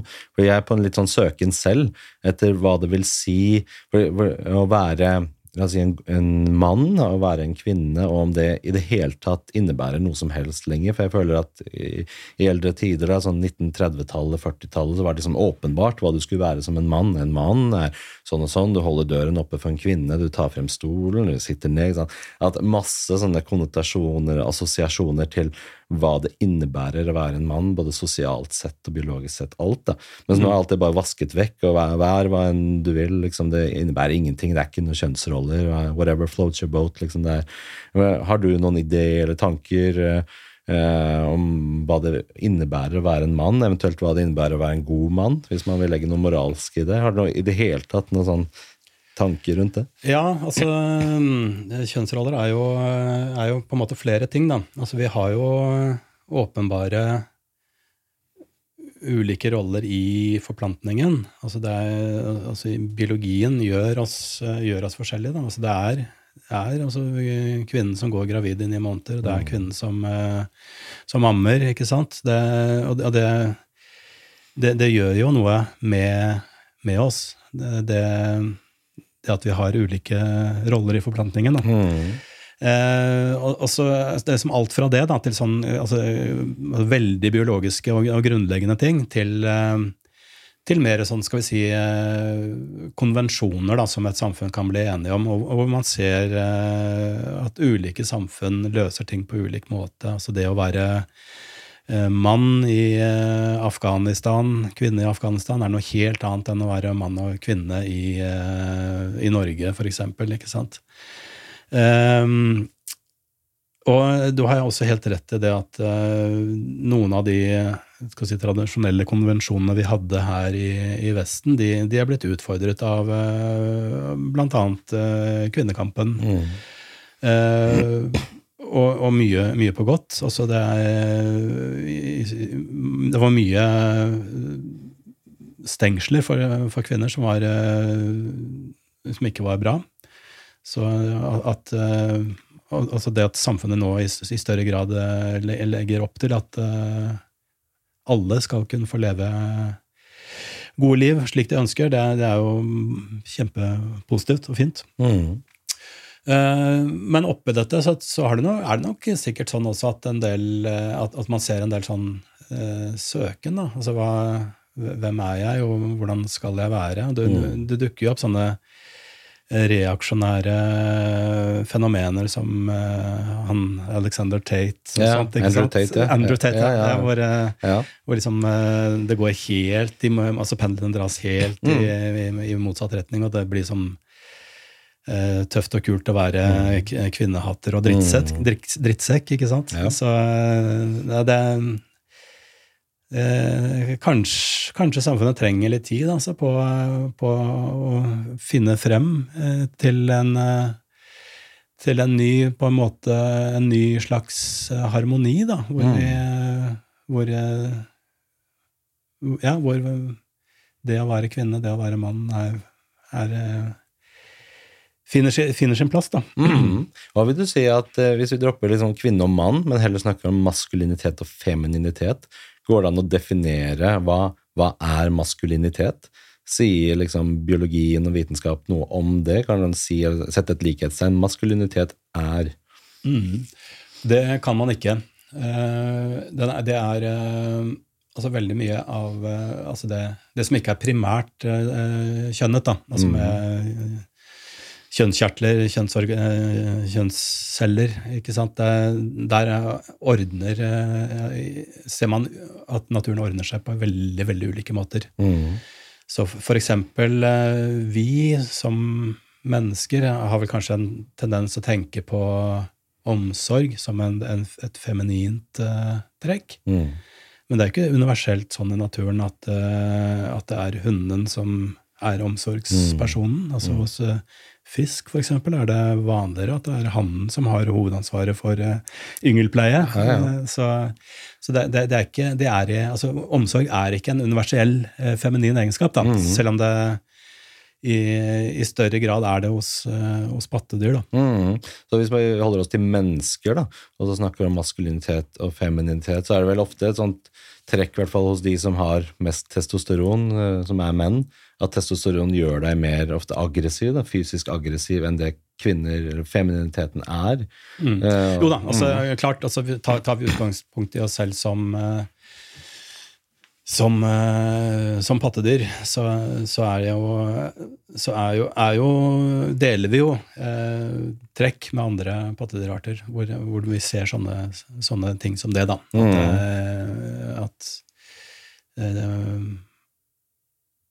i større grad er eh, Ja, for eksempel eh, hos pattedyr er det jo altså 90% av pattedyr så er eh, ungdomssorg er noe hunden alene står for. Grunnen mm. til det er jo indre befruktning og amming. ikke sant? At mm. hundene i utgangspunktet er biologisk predeterminert til å være en primær omsorgsperson pga. indre befruktning og, og amming. Mm.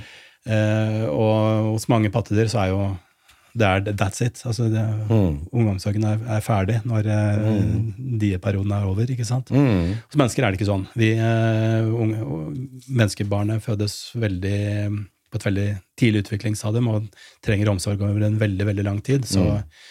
så her er jo, hos oss er jo åpenbart, uh, i hvert fall etter hvert, begge kjønn da, viktige for å oppdra ungen.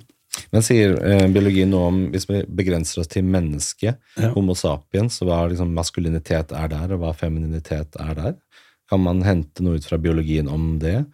Um, hvis man ikke tenker andre dyrearter, men bare ja. mennesker, liksom? Ja, altså man kan jo det. Uh, skal, altså, er, det er jo lett å liksom fokusere veldig på den kulturelle variasjonen. da, og så, mm. tenke at uh, alt flyter og uh, det er, mm. er, ingen mønster. Men det, det, er jo ikke, sånn er det jo ikke. Det er, mm. det er jo mønstre. Hvis vi ser jo det. ikke sant, Menn er mer kompetitive. Eh, kvinner har i, på tvers av kulturer oftere den eh, omsorgsrollen, da. Så, og, og, og, altså yrkesvalg, altså fri frie Norge, hvor alle er fri til å gjøre akkurat, velge akkurat hva de vil. Der velger eh, kjønnene likevel uh, veldig tradisjonelt. ikke sant? Det er uh, eh, 90% sikkert uh, kvinner som søker seg til sykepleieryrket, f.eks., og det er 90 av, av menn som går i retning av matematikk eller sivilingeniør. ikke sant? Så det, det er jo, vi er jo vi er jo kjønnsdelte selv om vi er, er frie, da. Så, og det, der, der, ligger det helt sikkert mye biologi i bunnen. Ja, det ligger jo det. Og det er nesten sånn man ikke skal si nå for tiden de tingene der. At man heller skal tenke at nei, mennesker er et blankt ark, og vi er bare formet av uh, sosiale konstruksjoner. og det, det, har vært en sånn bevegelse på det. da, at mm.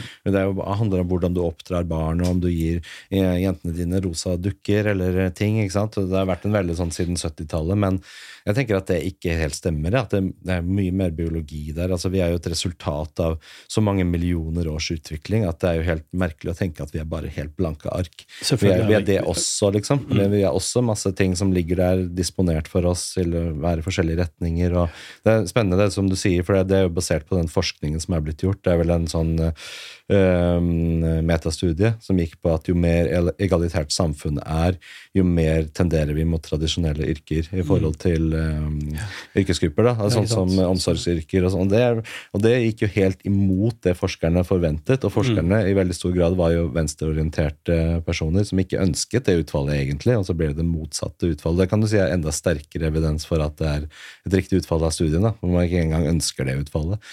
Uh, så det, det, er litt interessant da, at det er så tydelig. Mm. Uh, og det var jo ikke det man ville med å gjøre alt så fritt og e-, egalitært i Norge. Man, da ville man jo at alt skulle være likt. Det var det man ønsket, at alle skulle velge helt like ting, og man ønsket kvotering og kvotere inn folk i ulike yrker. Og, men så er det sånn allikevel. da, Naturen kommer inn der. og så, Kvinner er glad i mennesker og omsorg, og menn er glad i ting og maskiner. og Selv om man ikke vil at det skal være sånn, så er det litt sånn. da. Mm.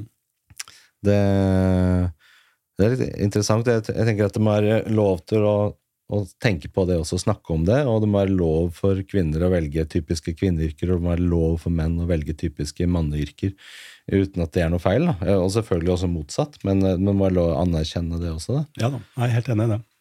Men, um, også, men utviklingen videre, hvordan vil du si at uh, det står til med altså ytringsfriheten på dette området her da, i, i, Norge? og Føler du at du kan snakke helt fritt som professor og biolog og sånt rundt disse temaene, i, i, både i ditt miljø, kanskje forskermiljø og sånn, sånn er det helt fritt og åpent der, og, og i det generelle ordskiftet og kronikker og aviser og, og, blant medmennesker og vanlige folk? og sånn, Føler du at det er 100 helt åpent, fritt fram for deg å si ting, eller føler du at det er en motstand der? Uh, nei, jeg, jeg, har vel ikke følt at jeg har uh ja, altså jeg, jeg, opplever at jeg har uh,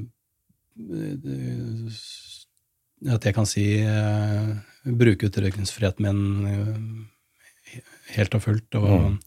si, si, det jeg mener. Altså, jeg skal, jeg, skal, jeg skal, ikke legge skjul på at jeg jeg legger jo bånd på meg, men det, det, er jo ikke fordi at jeg føler at jeg ikke kan si det jeg vil, men fordi at jeg ønsker å være en Eh, et anstendig menneske. Mm. Og, og, ikke, ikke ja, si ting som, som er til skade for andre. Ja. Så, men, nei, men, nei, altså jeg, jeg, har ikke opplevd noe som helst uh, at kolleger sier, synes at uh, ting jeg sier, er problematiske, eller sånne ting. Altså jeg, jeg mm. forholder meg jo til uh, eh, strengt til, eh, til, fag og, og vitenskapen, og, og jeg, jeg, sier jo bare altså, jeg, egentlig opplagte sannheter, da. Mm. Men Har du fått noe motstand eller kritikk eller sånt noe i det hele tatt? Ja da, det har jeg. Jeg har, jeg har opplevd negativ, negativitet, det har jeg. Og, og, at ting jeg har sagt, har blitt uh, fortolket mm. som f.eks. Uh, antitrans. Da. Selv om mm. fra, fra, mitt sted så har det ikke vært, vært ment sånt. Mm. Så, så, har det at jeg på en måte da skal si, kritiserer noen av disse postmoderne ideene, blitt tolket som om at jeg dermed har noe imot uh, transpersoner. Da. Men uh, hvilke grupper kommer det ofte fra, eller hvilket hold? Er det gjerne fra kommentarfelter og sånt, eller er det fra grupperinger, eller er det fra politikere, eller går det an å si hvor du ofte får motstand eller kritikk fra? Er det, um, om det er noe mønster der? Ja, nei eh, Altså, det er jo fra meningsmotstandere da, som, mm. som eh, har tatt disse ideene mm. til, til, seg, og, og opplever de, de, som veldig viktige og, og progressive. Mm. Er det på en måte også fra akademia, fra andre professorer eller andre akademikere og sånt noe? Er det derfra også det kommer som motbør mot dette her, med f.eks. å si at det er to kjønn og sånt?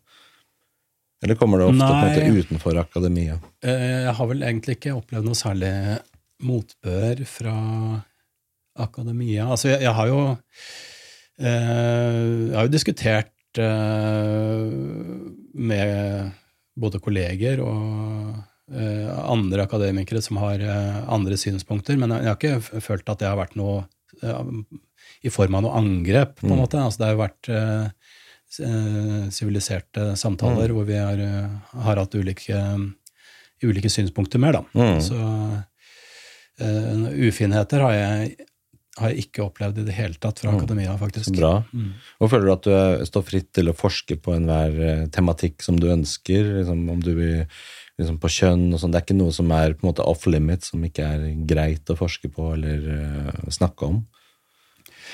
Nei, jeg opplever ikke det. Altså, jeg, jeg har alltid fulgt eh, egen nysgjerrighet jeg, i min forskning. Jeg har vært veldig lite sånn opportun. Jeg har ikke gått etter eh, etter skal si, lavthengende frukt hvor det er lett å få penger, f.eks. Mm. Jeg har eh, hele tiden, forskningen min har hele veien vært nysgjerrighetsdrevet. og jeg har, jeg har, det har gått bra da, til nå. Jeg, har- jeg har greid, greid å, å, å få inn eh, forskningsmidler til, eh, til sære, rare prosjekter på artsdans hos burv og sånne ting. Så Mm. det har vel vært en blanding av eh, dyktig og heldig. Mm. Hva er det som er motivasjonen dine for yrket du har for å være evolusjonsbiolog? og sånn? Hva er det som, er, eh, hva er det som gir deg glede og mening med, med yrket ditt? Altså, jeg er jo en grunnleggende nysgjerrighet da, på, på sammenhenger i naturen. Altså forstå eh, prosesser som eh, til syvende og sist er, eh, har, har voldsom forklaringskraft. Da. Altså, jeg jobber, jobber mye med artsdannelse. Og, og, og forstå de prosessene, altså de prosessene som ligger til grunn for at at evolusjonen fortoner seg som eh, forgreininger i et tre. Ikke sant? Det, det, er jo, det er jo helt grunnleggende ting. Da. Altså, eh, og, og det er, jeg føler det som et privilegium da, å, å kunne bidra til å nøste opp i, eh, i livets mysterier, da, hvis vi skal uh, bruke litt store ord på det. Mm. Men hvordan er veien for deg videre? Hva er, det du, hva er det som kommer videre for deg? Når kommer boka di ut? Ja, eh, den er ferdig skrevet, Ja. så nå er den til språkvask. Så den eh, skal vel da i trykken i løpet av uh, seinsommeren og kommer vel i butikkene i september. Hva, hva heter boka? Den heter eh, To kjønn. To kjønn, ja. Spennende. Men du, Glenn Petter, veldig hyggelig å ha deg her. Veldig spennende, lærerikt, interessant å prate med deg. Tusen takk for at du kom. Takk for at jeg fikk komme. Hyggelig prat. Hyggelig.